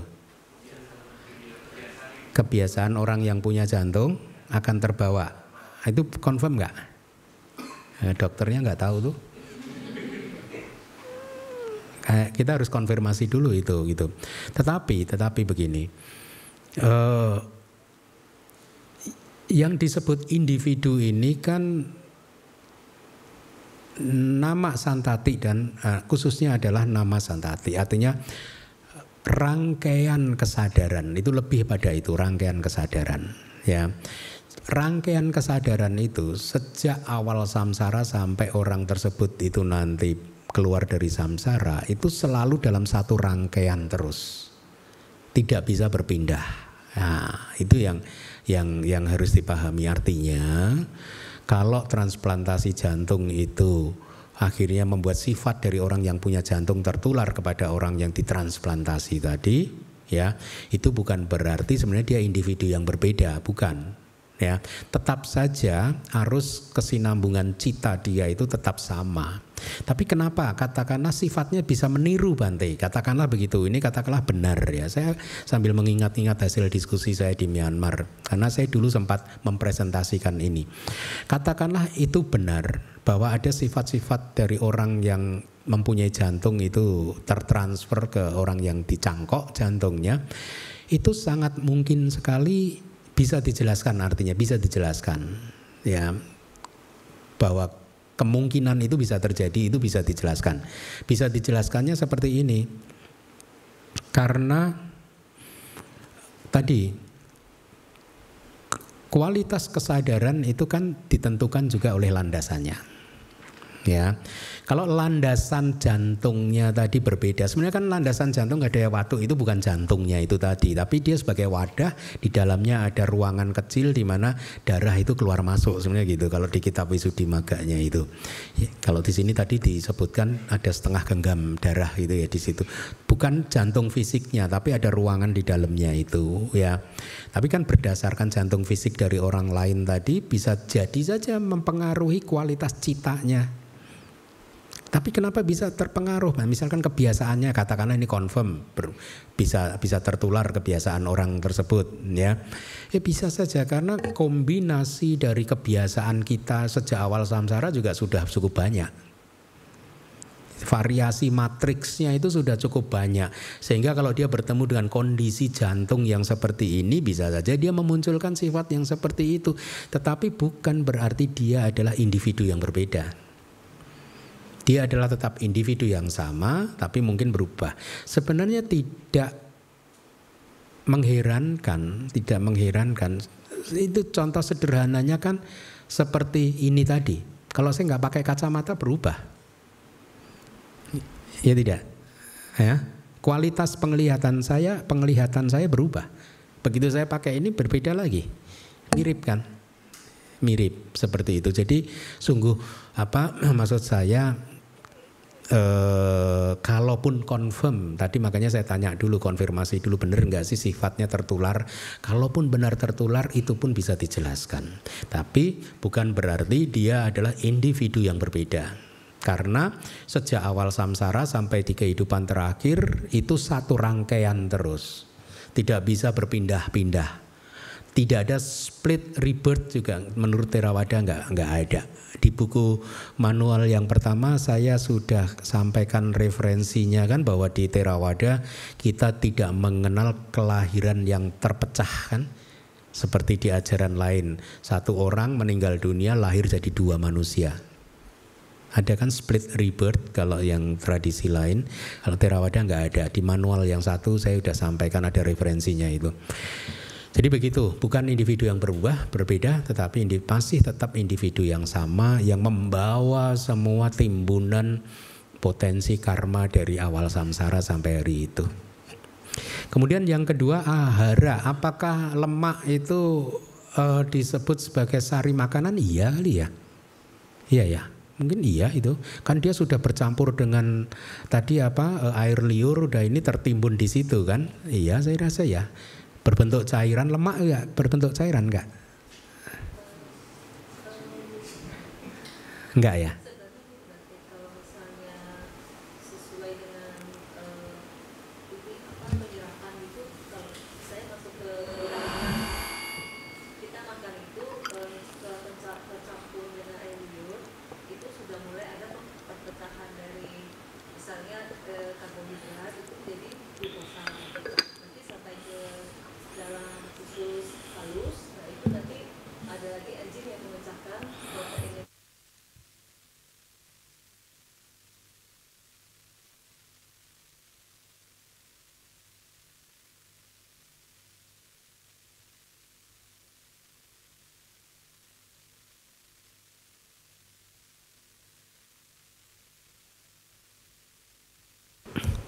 Iya.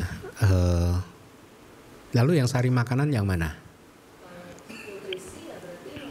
Sejak sejak menempel lidah itu ya.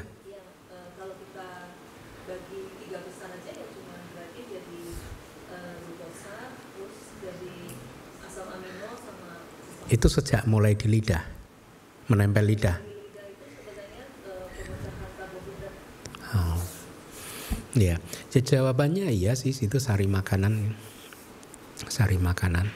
Kan begini, uh,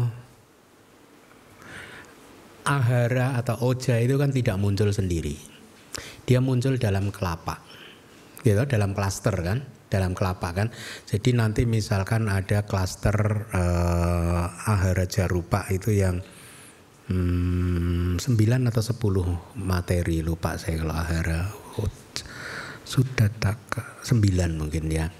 Nah, apa pun di dalam klaster yang di situ ada oja itu ada elemen api yang akhirnya bisa membelah lagi seolah-olah bukan membelah memproduksi lagi rupa kelapa yang lahir dari temperatur. Dia bertumpuk-tumpuk kayak yang tadi saya ceritakan gitu tadi. Itu yang membuat akhirnya menjadi lemak itu ya. Tapi anda harus memahaminya bahwa materi itu durasinya sangat eh, apa usianya itu sangat singkat sekali. Ya tapi kenapa bisa tertimbun menjadi lemak? Ya karena sudah bertumpuk-tumpuk banyak sekali tadi gitu. Tapi cepat atau lambat sih harusnya terurai sendiri sih. Tapi kok nggak kurus-kurus pada dimakan tambah makanan terus yang lemaknya kebakar makanannya lebih banyak. Kayak saya ini udah kontrol makanan gemuk aja ya kurus-kurus. Tapi saya menghibur diri sih. Kenapa saya gemuk? Karena sebenarnya nggak gemuk saya itu cuman lapang dada.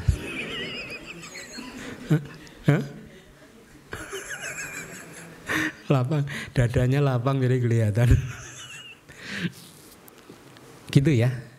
Oke, tiga oke. Okay.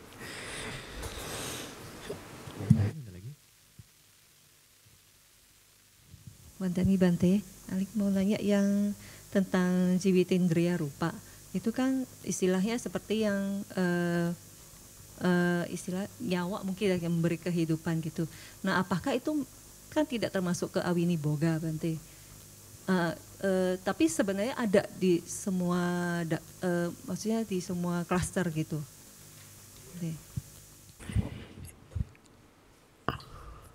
Iya, sebentar saya ingat-ingat syair teksnya dulu. hmm. Jiwitindria tidak tidak ada di semua klaster. Tidak ada karena nanti ada yang eh Oh, ada. Jiwitindria misalkan cakuk dasaka. Kesepuluhan mata. Itu kan sebenarnya terdiri dari delapan awini boga jiwitindria sama mata. Kemudian sotak dasaka sama plus telinga bukan mata dan seterusnya. Kemudian nanti ada misalkan apa lagi? Uh, semua ada jiwitindrianya. Hmm. Maksud Aling kenapa itu tidak menjadi sesuatu? tidak terpisahkan ya sebentar karena kalau kalapak yang di luar misalkan suara. Ya itu sebenarnya hanya terjadi antara sada sada dan sada sembilan saja. Misalkan awini boga plus suara. Itu nah, itu itu seingat saya itu tidak ada ini. Nah, suara petir. Ya Suara petir itu juga klaster kelapa itu, tetapi tidak ada ininya gitu. Apakah boleh dibilang kalau misalnya yang benda mati tidak ada untuk yang benda hidup itu ada gitu? Iya, ya kayaknya iya ada materi tapi nanti saya carikan teksnya ya. Sepertinya iya dibedakan antara materi di makhluk hidup dan materi yang benda mati. Sepertinya iya, tapi untuk pastinya nanti saya carikan teksnya. Jadi dengan alasan itu tadilah maka dia tidak dijadikan awini boga. Pohon terbelah itu karena rupa kelapa yang lahir dari temperatur. Ya, pohon tumbang keluar suara kan. Nah, itu juga.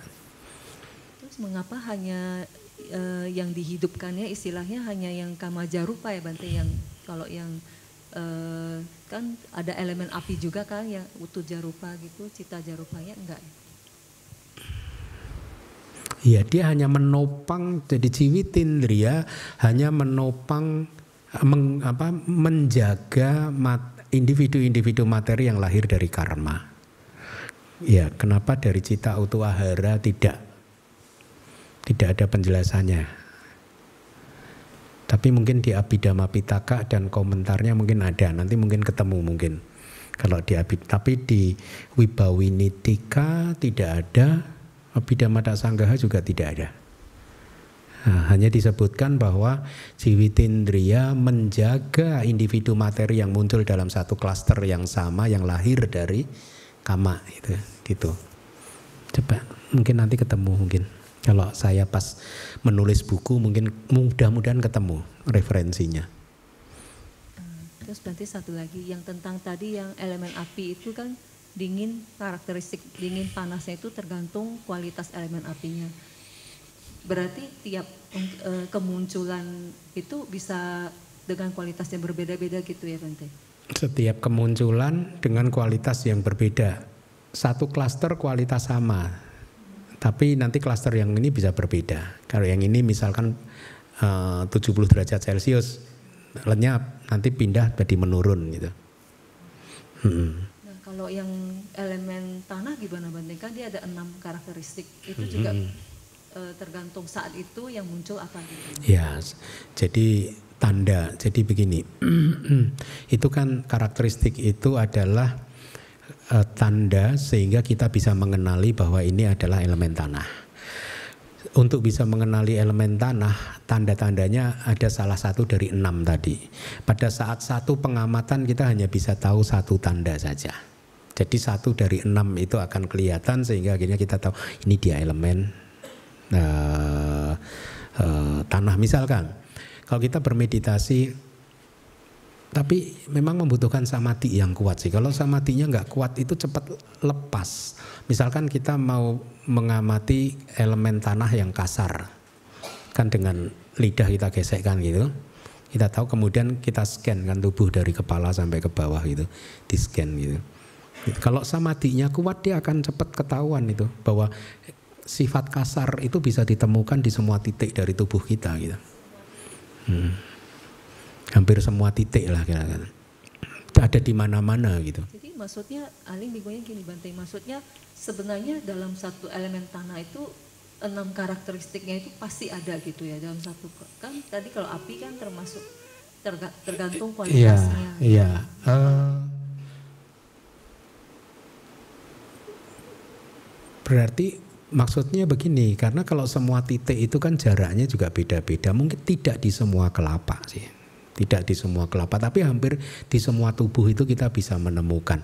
Cuman kan rupa kelapa kan kecil ya, jadi bertumpuk-tumpuk. Jadi setiap elemen tanah bisa dikenali melalui salah satu dari enam ciri itu tadi gitu. Enam ciri. Tidak bisa ditemukan dua gitu tidak bisa. Hanya satu. Pada saat satu pengamatan kita dapat yang kita amati apa. Nah kenapa misalkan kalau bermeditasi kita persepsi kita kita kuatkan dulu tentang karakteristik misalkan kasar gitu ya supaya uh, kebijaksanaan kita mudah untuk mengenali oh yang ini kasar ini kasar ini kasar itu elemen tanah itu hanya satu hanya satu tidak bisa dua makasih Pak. Hmm. yang lain Pak Aris tuh ya hmm.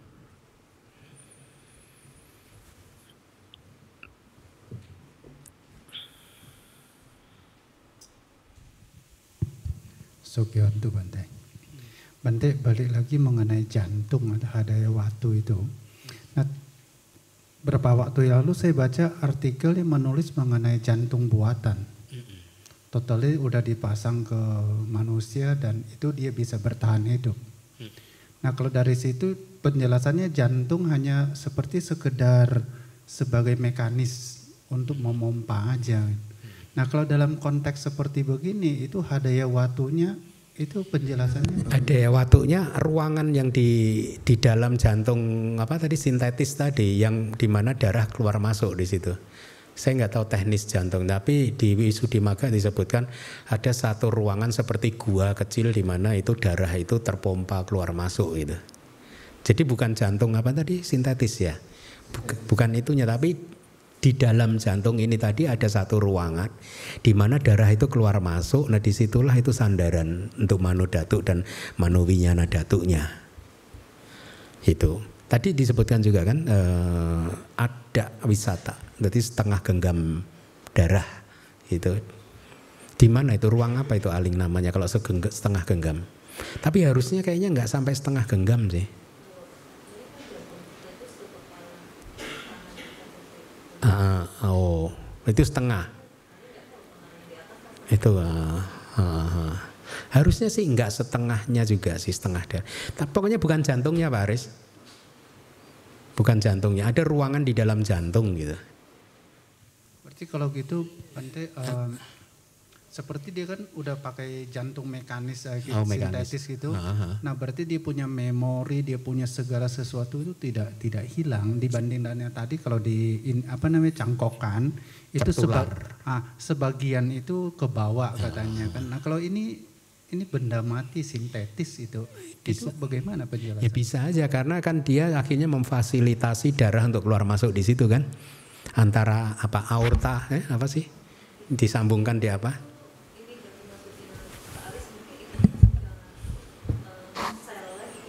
Bukan apa? Tapi kenapa citanya kan masih muncul kan?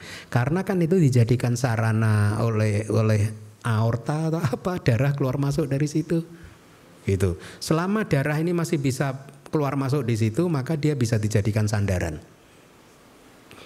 Paham Pak? Selama darahnya terpompa keluar masuk itulah.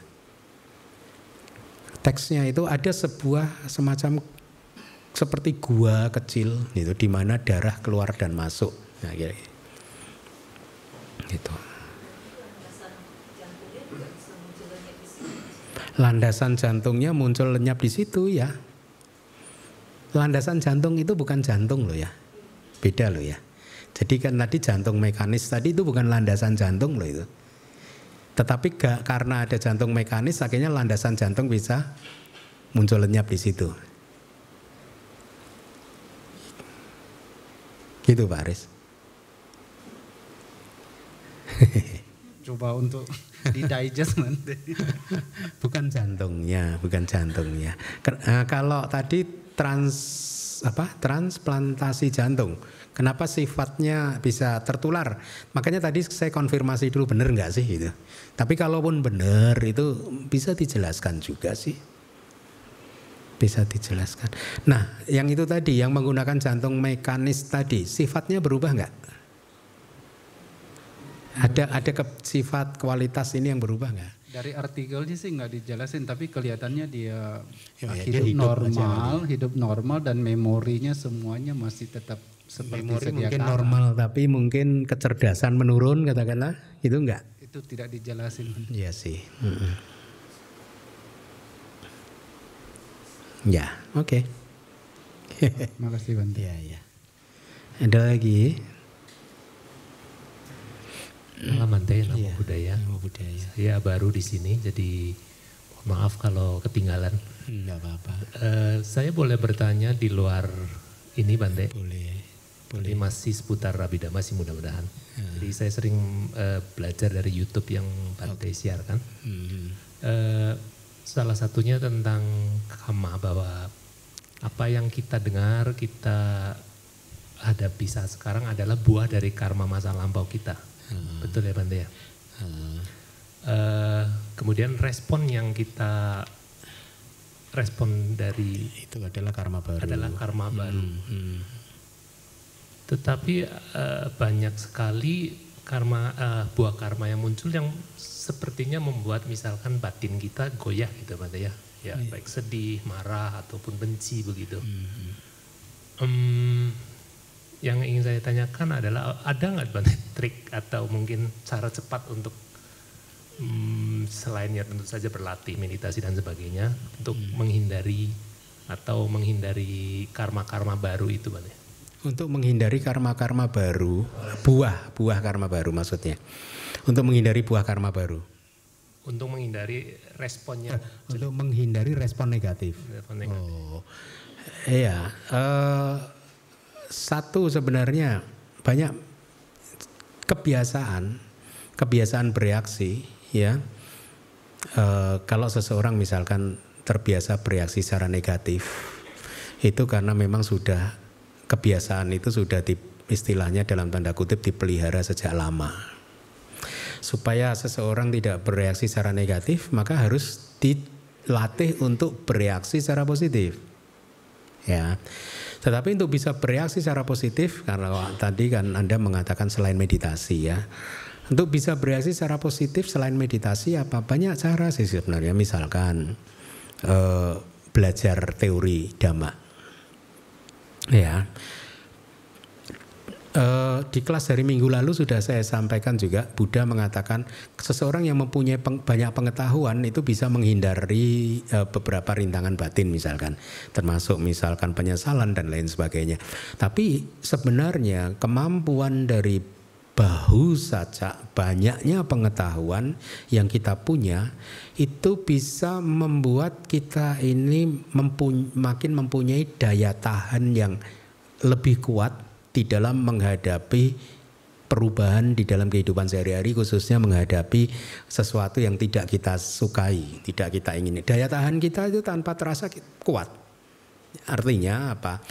Mungkin pada saat ada objek yang tidak menyenangkan masuk, kita masih secara spontan bereaksi secara negatif. Tetapi sesaat setelah itu kita sadar. Jadi artinya apinya tidak membesar. Ya sempat muncul sih tetapi sempat pad, uh, cepat padamnya juga. Karena pengaruh dari pengetahuan tadi. Kita makin cepat eh ini nggak baik ini. Ini contoh yang sepele contoh yang sepele ini murid-murid di sini ini sebelum dua setengah tahun yang lalu belajar tentang cetasika mereka nggak paham loba dosa moha mana didik itu apa aja nggak paham mereka. Mereka hanya dengar aja. Tapi yang disebut loba itu karakteristiknya seperti apa sebab terdekatnya seperti apa cirinya seperti apa rasanya seperti apa nggak paham. Fungsinya rasa itu fungsinya seperti apa nggak paham ya. Sehingga akhirnya mereka mengambil satu event di dalam kejadian sehari-hari itu sebagai satu bentuk yang solid, utuh. Ya, tapi setelah belajar cetasika, mereka sekarang sudah bisa memilah-milah pengalaman kehidupan. Oh, ini loba mulas, uh, ini loba mula, ini somanasa sagata didikata sampayuta dan seterusnya bisa. Oh, ini domanasa ini. Ya, ini mereka udah mulai tahu. Tadinya mereka nggak paham. Ya, nah langkah pertama adalah tahu dulu oh ini tahu. Ini adalah loba ini dosa ini somanasa ini domanasa. Ini somanasa yang baik ini somanasa yang tidak baik. Diketahui dulu. Setelah kita tahu identifikasi itu akhirnya menjadi mudah untuk bisa mengikuti nasihat Buddha yang selanjutnya yaitu apa? Memperbanyak yang baik dan menghindari yang buruk. Ya tidak? Karena sudah tahu. Jadi teori itu penting. Oh ya tentu sebenarnya kalau lebih cepat untuk berubah itu meditasi pak cepat. Di dalam satu kehidupan kita bisa merubah banyak sifat-sifat kita. Meditasi itu sangat powerful untuk merubah sifat kita. Ya, tidak tidak butuh lama. Nah, tapi ya itu tadi saran saya perbanyak pengetahuan Anda sehingga Anda bisa tahu mana yang baik, mana yang tidak baik. Anda bisa tahu cara bekerjanya kehidupan ini seperti apa. Kedua, perbanyak perbuatan baik. Berdana, sila, ya. Kemudian mungkin bawana-bawana itu termasuk mendengarkan damatok ya. Kemudian ber, uh, apa membaca parita. Dan kemudian nanti yang katanya mau diumumkan mulai Agustus akan ada klub membaca Abhidhamma Tak Sanggaha. Hah? menghafal. Hah? menghafal katanya Agustus nanti setiap hari Sabtu ada, tapi nggak tahu ada yang usul meditasinya berlangsung terus juga. Nah, saya ini, ini intermezzo lagi Pak ya. Saya ini sebenarnya meditasi off itu kan tujuan saya saya mau lepaskan satu beban karena kemarin kelelahan kan semester lalu itu saya benar-benar kelelahan dan berpikir ini satu beban harus saya lepaskan. Udah lah meditasi dah yang satu-satunya beban saya yang bisa saya lepas meditasi. Apa abidama yang saya lepas? Jangan. Jangan Bante. ya saya rasakan ketika uh, muncul semacam itu kesedihan atau kejengkelan atau sesuatu yang tidak enak setelah mendengarkan ceramah-ceramah contohnya yang Bante berikan di YouTube itu mulai merenungkan dan rasanya sedikit rilis begitu Bante. Iya, iya. Kemudian ya tidak lama lagi atau besok paginya mulai muncul nggak apa-apa, nggak apa-apa. Jangan jangan merasa bersalah terhadap kemunculan yang tidak baik yang berulang-ulang seperti itu jangan juga memakai standar jadikan itu permainan yang menyenangkan saja untuk makin terampil melepaskan kesedihan saya amati sih. Nah, keterampilan untuk melepaskan kesedihan itu permainan yang menyenangkan. Jangan dibebani diri Anda juga, aduh saya udah belajar abidama kok sedihnya nggak hilang-hilang. Ya nggak jangan. Itu membebani secara psikologis membebani kita sendiri. Dinikmati saja bahwa kita masih punya kilesa tapi saya tahu sekarang saya makin terampil untuk melepaskan kilesa-kilesa tersebut. Itu ya. Banyak dari murid uh, bukan banyak. Saya rasa anda semua setuju dengan saya. Dua setengah la, tahun lalu waktu anda belum kenal abidama mulai belajar abidama dan sekarang dua setengah tahun kemudian anda berubah nggak? Huh? Berubah kan semua menjawab berubah Pak. Hanya dari pengetahuan Pak. Siapa yang nggak berubah? Minggu depan jangan masuk lagi berarti Anda Anda terlalu. Dua setengah tahun nggak berubah terlalu Anda itu. ya, uh, contoh Pak, teman-teman di sini dua setengah tahun belajar dari nol, dari nol. Banyak dari mereka dari nol Artinya sebelumnya nggak pernah belajar juga, tapi setelah dua setengah tahun lalu ini uh, berlalu, cara pandang mereka berubah terhadap kehidupan, berubah. Ya, perspektif mereka untuk memahami kehidupan makin lebar karena banyaknya pengetahuan tadi. Ya, jadi itu salah satu saran saya. Belajarlah Tripitaka, belajarlah kitab suci kita.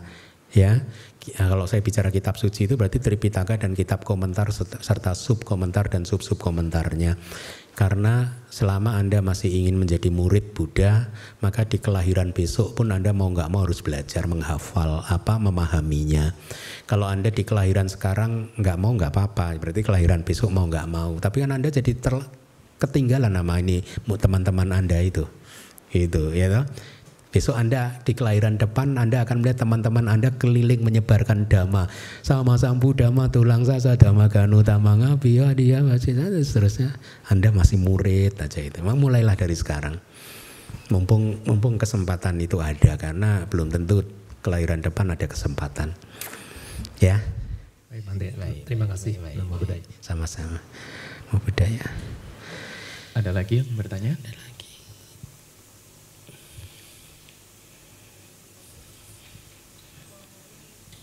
Tentang heart transplantation tadi, transplantasi jantung. Uh, jadi ini ada penelitian tentang apakah memang terjadi perubahan individu uh, personality. Jadi dilakukan penelitian itu ya uh, didapatkan hasilnya itu 73% itu uh, mereka itu berubah itu karena ada dramatic influence of their life kan pernah mengalami kejadian yang dramatis, dramatis gitu.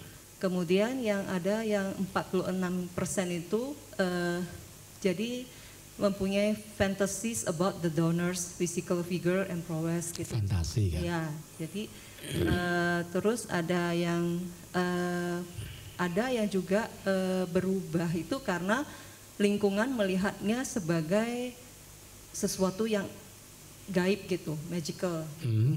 Karena bisa e, mungkin karena sudah mau meninggal terus transplantasi kan hidup gitu.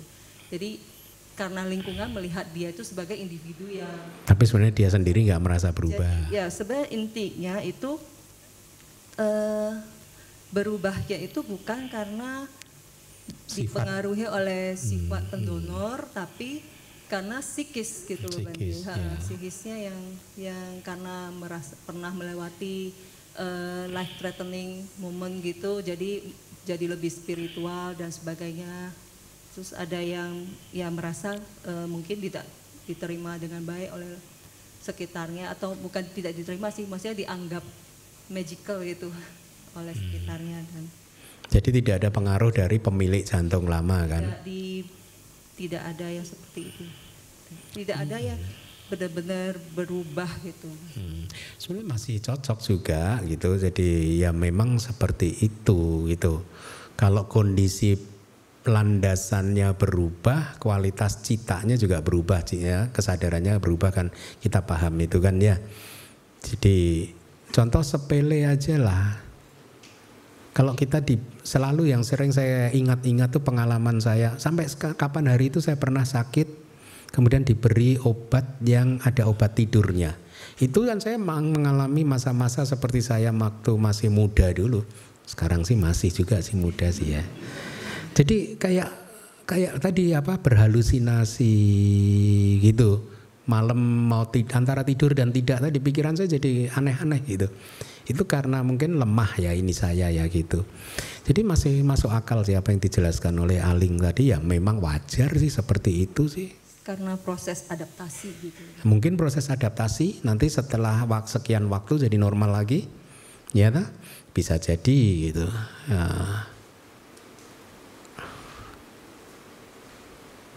Jangankan yang begitu, jangankan yang begitu. Saya beri contoh.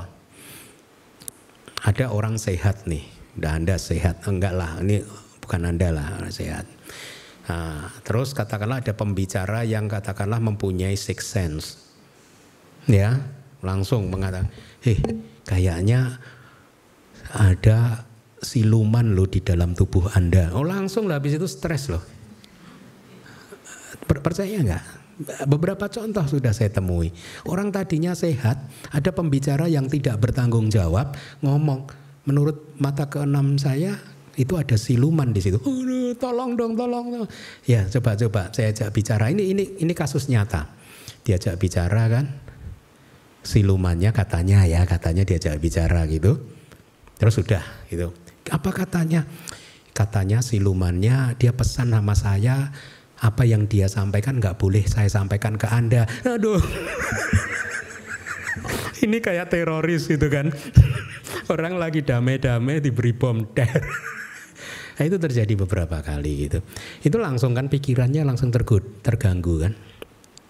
Ya itu. Jadi masuk akal sih apa yang tadi di ini kan ya memang begitu sih. Karena pikirannya sendiri akhirnya terganggu dia. Karena dia dia berpikir yang enggak enggak sendiri kan.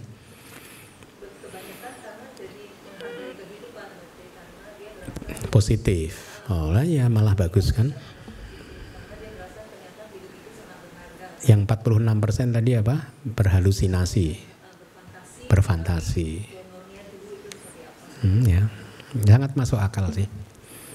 Ya, oke, okay, terima kasih. Ada lagi? Terakhir.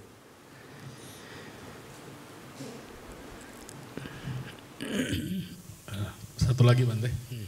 Uh, kalau logika itu termasuk cetasika apa Bante? Logika itu kayak apa ya?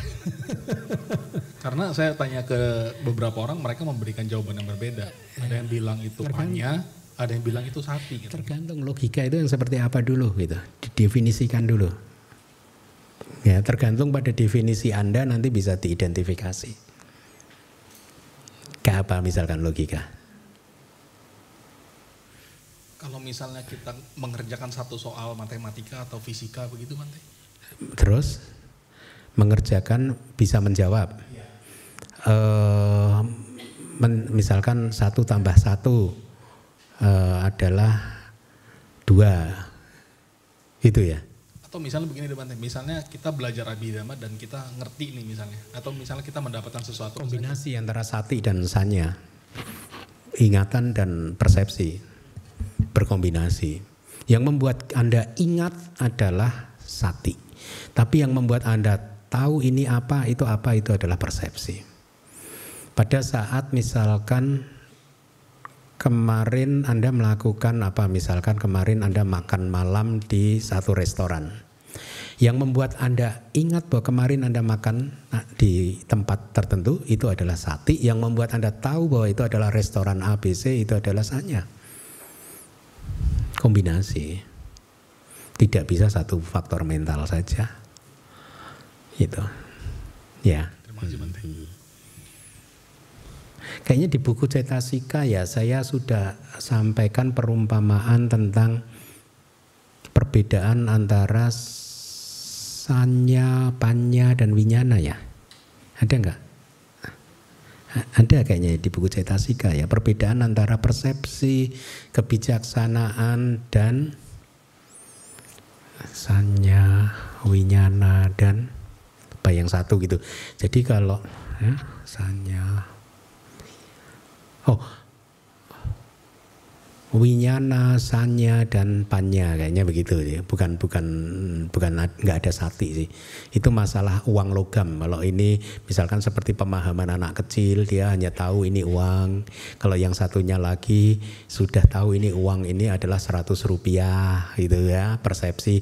Kalau panya itu sudah dia tidak dia tahu ini logamnya itu terdiri dari apa gitu komponen pembentuk logamnya gitu. Panya itu lebih dalam lagi kebijaksanaan. Ya, oke. Okay.